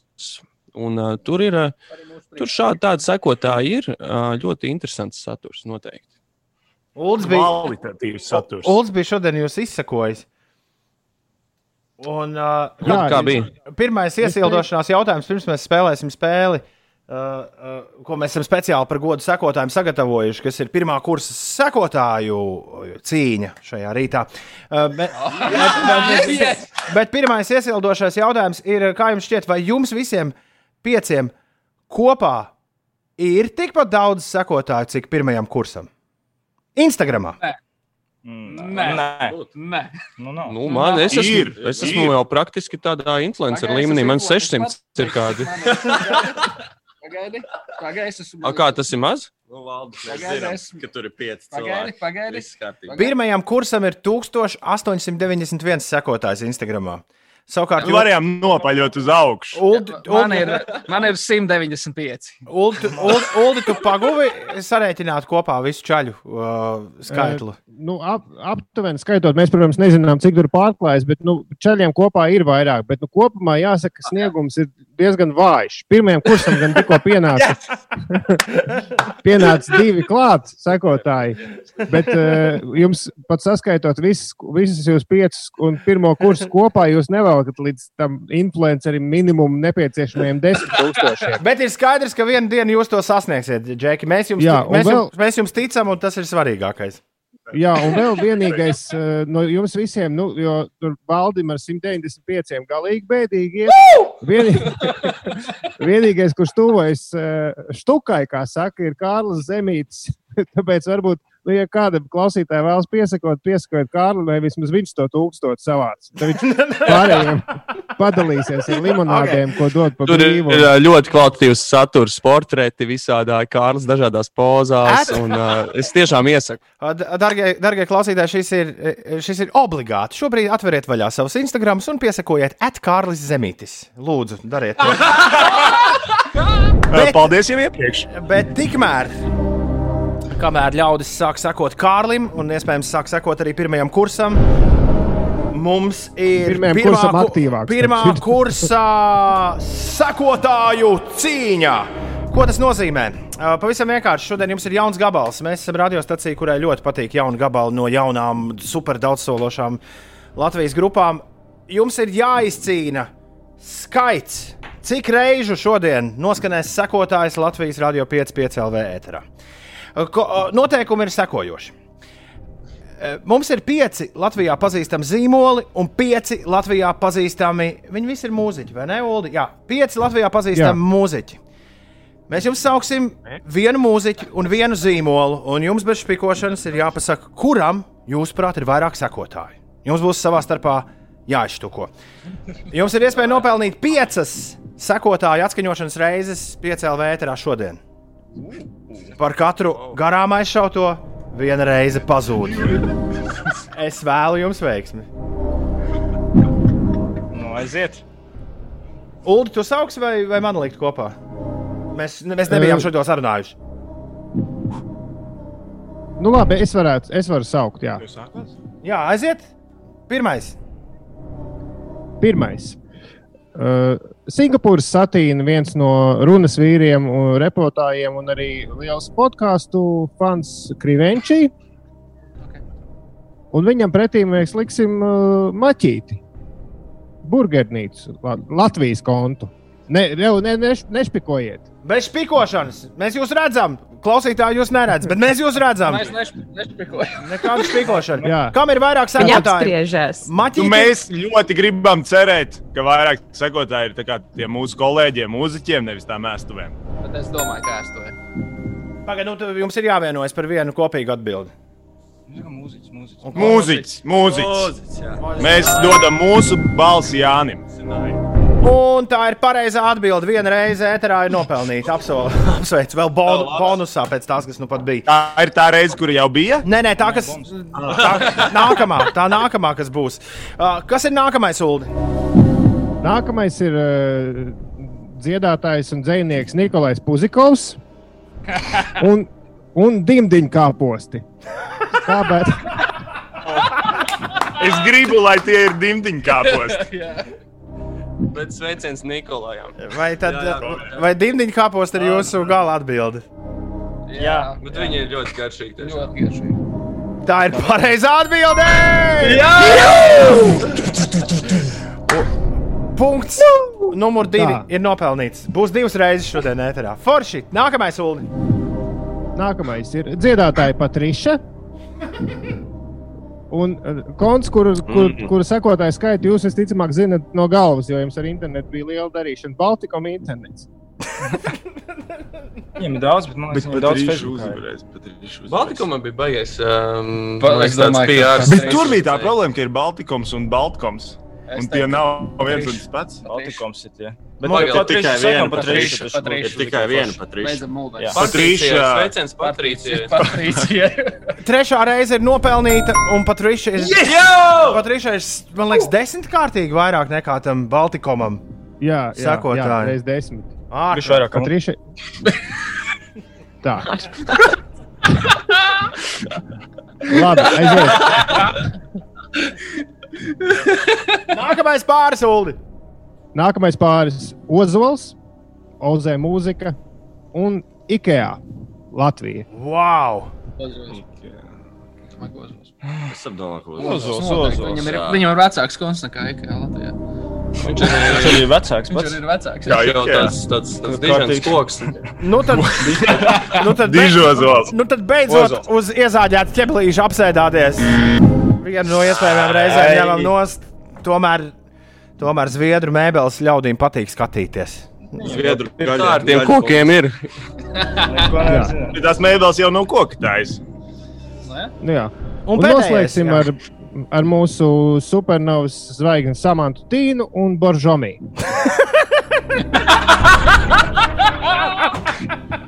Kā diena pret nakti.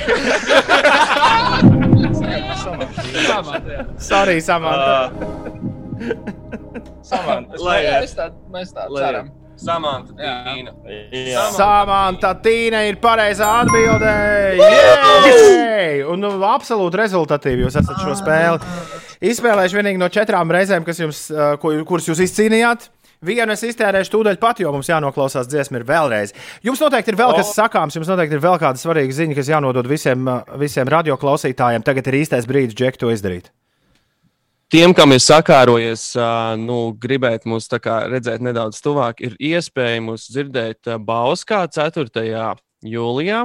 Mēs būsim Bauskā. Jūs zināt to teicienu par Bausku? Sētā. Kā, kā lūdzu? Tur tāds teiciens par Bausku. Tā Ante Bauskā? Nu, negluži. Nē. Negluži. Ne, ne, negluži. nu, pa, paprasiet, kādam. Ir cits teiciens. Paprasiet kādam. Ines ir no Bauskas puses, viņa pateiks.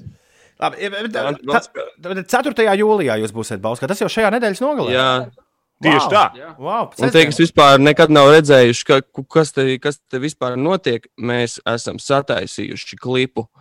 YouTube atbrauc nofilmēt, un uh, mums ir ā, sekotājiem klips, starp citu, Tom. Es redzu, ka tu nezināji to. Nezināju. Nezināju. O, Tas ir, kur YouTube jāstāsta. Ja? Jā, jā YouTube atbrauc. Jā. Tur ir uh, arī slaveni cilvēki iesaistīti klipā. Jā, mums ir īpašs paldies uh, Grigaļa kungam, par, Kurš iesita kurš, takti. kurš iesita takti. Ļoti labi. un- un- Tā. Ķersim, ķersim šo rokā. Man ir sliktas ziņas Kārlim Zemītam. Nav viņam vēl tūkstoši sekotāju. Bet, Es, ā, es vēl spiežu viņus. bet visai, bet, nu, kādas 20 mēs tev dabūjām klāt. Vai 30. Jā. Bet uh, visiem pārējiem džekiem uh, es saku paldies jums par šo jauko sarunu. Un, un uh, jā, lai šī svētku diena turpinās ar vēl daudziem, daudziem uh, uzveiktiem cīniņiem, cīkstiņiem un tā tālāk. Pirmais kurs, viņa jaunais gabals sekotājs, lai skan vēlreiz prieks ar jums, Džeki, saziņoties. Es ceru, ka drīz mēs varēsim satikties arī aci, aci pret aci. Ja? Super. Acis. Paldies. Paldies. Čau! Čau, čau! Ulu un Ines, jūs atceraties Tudor Cinema Club? Jā, Šitie čaļi izklausās kā Tudor Cinema Club. Viņi sāk aizvien, aizvien nopietnāk izklausīties. Gaidiet lielas lietas no pirmā kursa. No džekiem, kuri izklausās, ka dienās varēs prāt vētru izsist no visjautrāk intervētākās grupas nu, statusa. Nu, Jā. es, es redzu potenciālu, redzu potenciālu jebkurā gadījumā. jā. Nu, Es nepaspēju pajautāt, ko nozīmē. Ko tu lūdzu? Nē, nē, nu, saki, saki, saki, ko tu Es nepaspēji nepaspēju pajautāt, ko nozīmē albuma nosaukums. Topošu albumu sauks Interkurs. Bet Un to mēs pagūsim viņiem pajautāt, tad, kad viņiem būs nākamais singls. Pavisam vienkārši. Jā, vai tas ir par jāatcerās, godu Interam Busulim, kurš viņus nosauc par pasaules grupu numur viens Latvijā? Klau, man ir mūzikas redaktors raidījuma noslēdzoties atsūtījis divus pilnīgi jaunus gabalus. Viens ir Kanye West un Travis Scotta dots, kas ir kaut kas pilnīgi jauns, un otrs ir pilnīgi jauns Disclosure uh, gabals. Izklausās ļoti interesanti skaņdarbi. Varbūt tie varētu būt kā interesantas ziņas. Klausies, nē, nē, skaidrs, ka tie būs interesanti ziņu vietā. Pagaid, Bet man pietiks laiks, diemžēl, atskaņot tikai vienu no tiem. Tāpēc jums ir arī jāizvēlas, vai jūs gribat hip hopu vai jāstur dance mūziku šajā rītā. Kurš ir, kurš ir maksimāli tālu no pirmā kursa dziesmas? Man liekas, ka abi divi. liekas, Abi hip- Abi divi. Abi divi arī deju mūziku, come on. Nu, Hip-hops mums bija visādi mumbleri, un kas tik vēl neuzliekam deju mūziku. Krisīts saka, ka kanjē vajag. Nu, labi, kamēr Ines lāk, pasūtiet īsiņās, ko jūs gribat. Disclosure vai kanjē ar Travis Scott. Kurš uzvarēs, tas arī to arī spēlēsim. Bet tagad 8.53. Ines stāsta, kas notiek? No 1. jūlija atvērtas Eiropas Savienības bloka ārējās robežas 15 trešo valstu pilsoņu ieceļošanai, taču tas neatiecas uz ASV, kur joprojām plosās Covid-19 epidēmija. Un šajā sarakstā Iekļauta ir Ķīna, taču ķīniešiem ieceļošana tiks atļauta, ja Pekina no savas puses atcels ieceļošanas ierobežojumus Eiropas Savienības pilsoņiem. Tā ir teikts eh, paziņojumā. No šodienas Tallinas ielas kvartāls pārtaps par mūsdienu mākslas, mūzikas, dejas un dzejas kultūru vietu. Trešdienās no pulksten pusseptiņiem vakarā līdz desmitiem vakarā apmeklētāji varēs noskatīties un noklausīties divas aktivitātes, bet eh, starpbrīdī starp eh, tām ieturēt arī laikmetīgajām trešdienām veidot uzkodu izlasi, kā arī apskatīt laiksmet, laikmetīgo mākslas eh, izstādi. Vēl par tādiem kultūras notikumiem no 14. jūlija Latvijas Nacionālais teātris atsāks uzņemt klātienes apmeklētājus ar gaismu mākslinieka Oskara Pauliņa veidoto izrādi sajūtu izstādi gaisma. Un Dailas teātrī šodien, pulksten 9. vakarā, pirmizrādi piedzīvos režisora Gundara Silakaktiņa iestudētā izrāde Blokmājas Dons Kihots. Vēl par sastrēgumiem ātri šobrīd uz A7 jākavējas 11 minūtes Kārļa Ulmaņa gatvē, teju 8 krastielā un Kārļa Ulmaņa gatvē uh, ir pa 6 minūtēm kavēšanās. Ir 8,54 un pēdējā brīdī ar 9 pret 8 Elvis ir izrāvis uzvaru. Paga, paga, paga. Es tā sarēķināju. Man, man abi pats mitos sanāca. Rekur rieksts vēl ar pagu iesūtīt, bet stop vairāk neviens nesūta. Viss, viss Katrīna, miers, stop. Un Sanāk, ka mēs ar Ulu katrs savā galā, katrs savā dzīvoklī rēķinājām, katram sanāca kaut kas cits. Lūdzu, Ulu, es pieņemšu tavus rezultātus, jo man sanāca 9 pret 8. Es pieņemšu tavus rezultātus, jo tev ir vairāk. Tūlīt, tūlīt. Tā, viens, divi, trīs, četri, pieci, seši, septiņi, astoņi, deviņi, desmit, vienpadsmit kanjē vesti un desmit disclosure. Tomēr Nē, es jau biju ielādējis.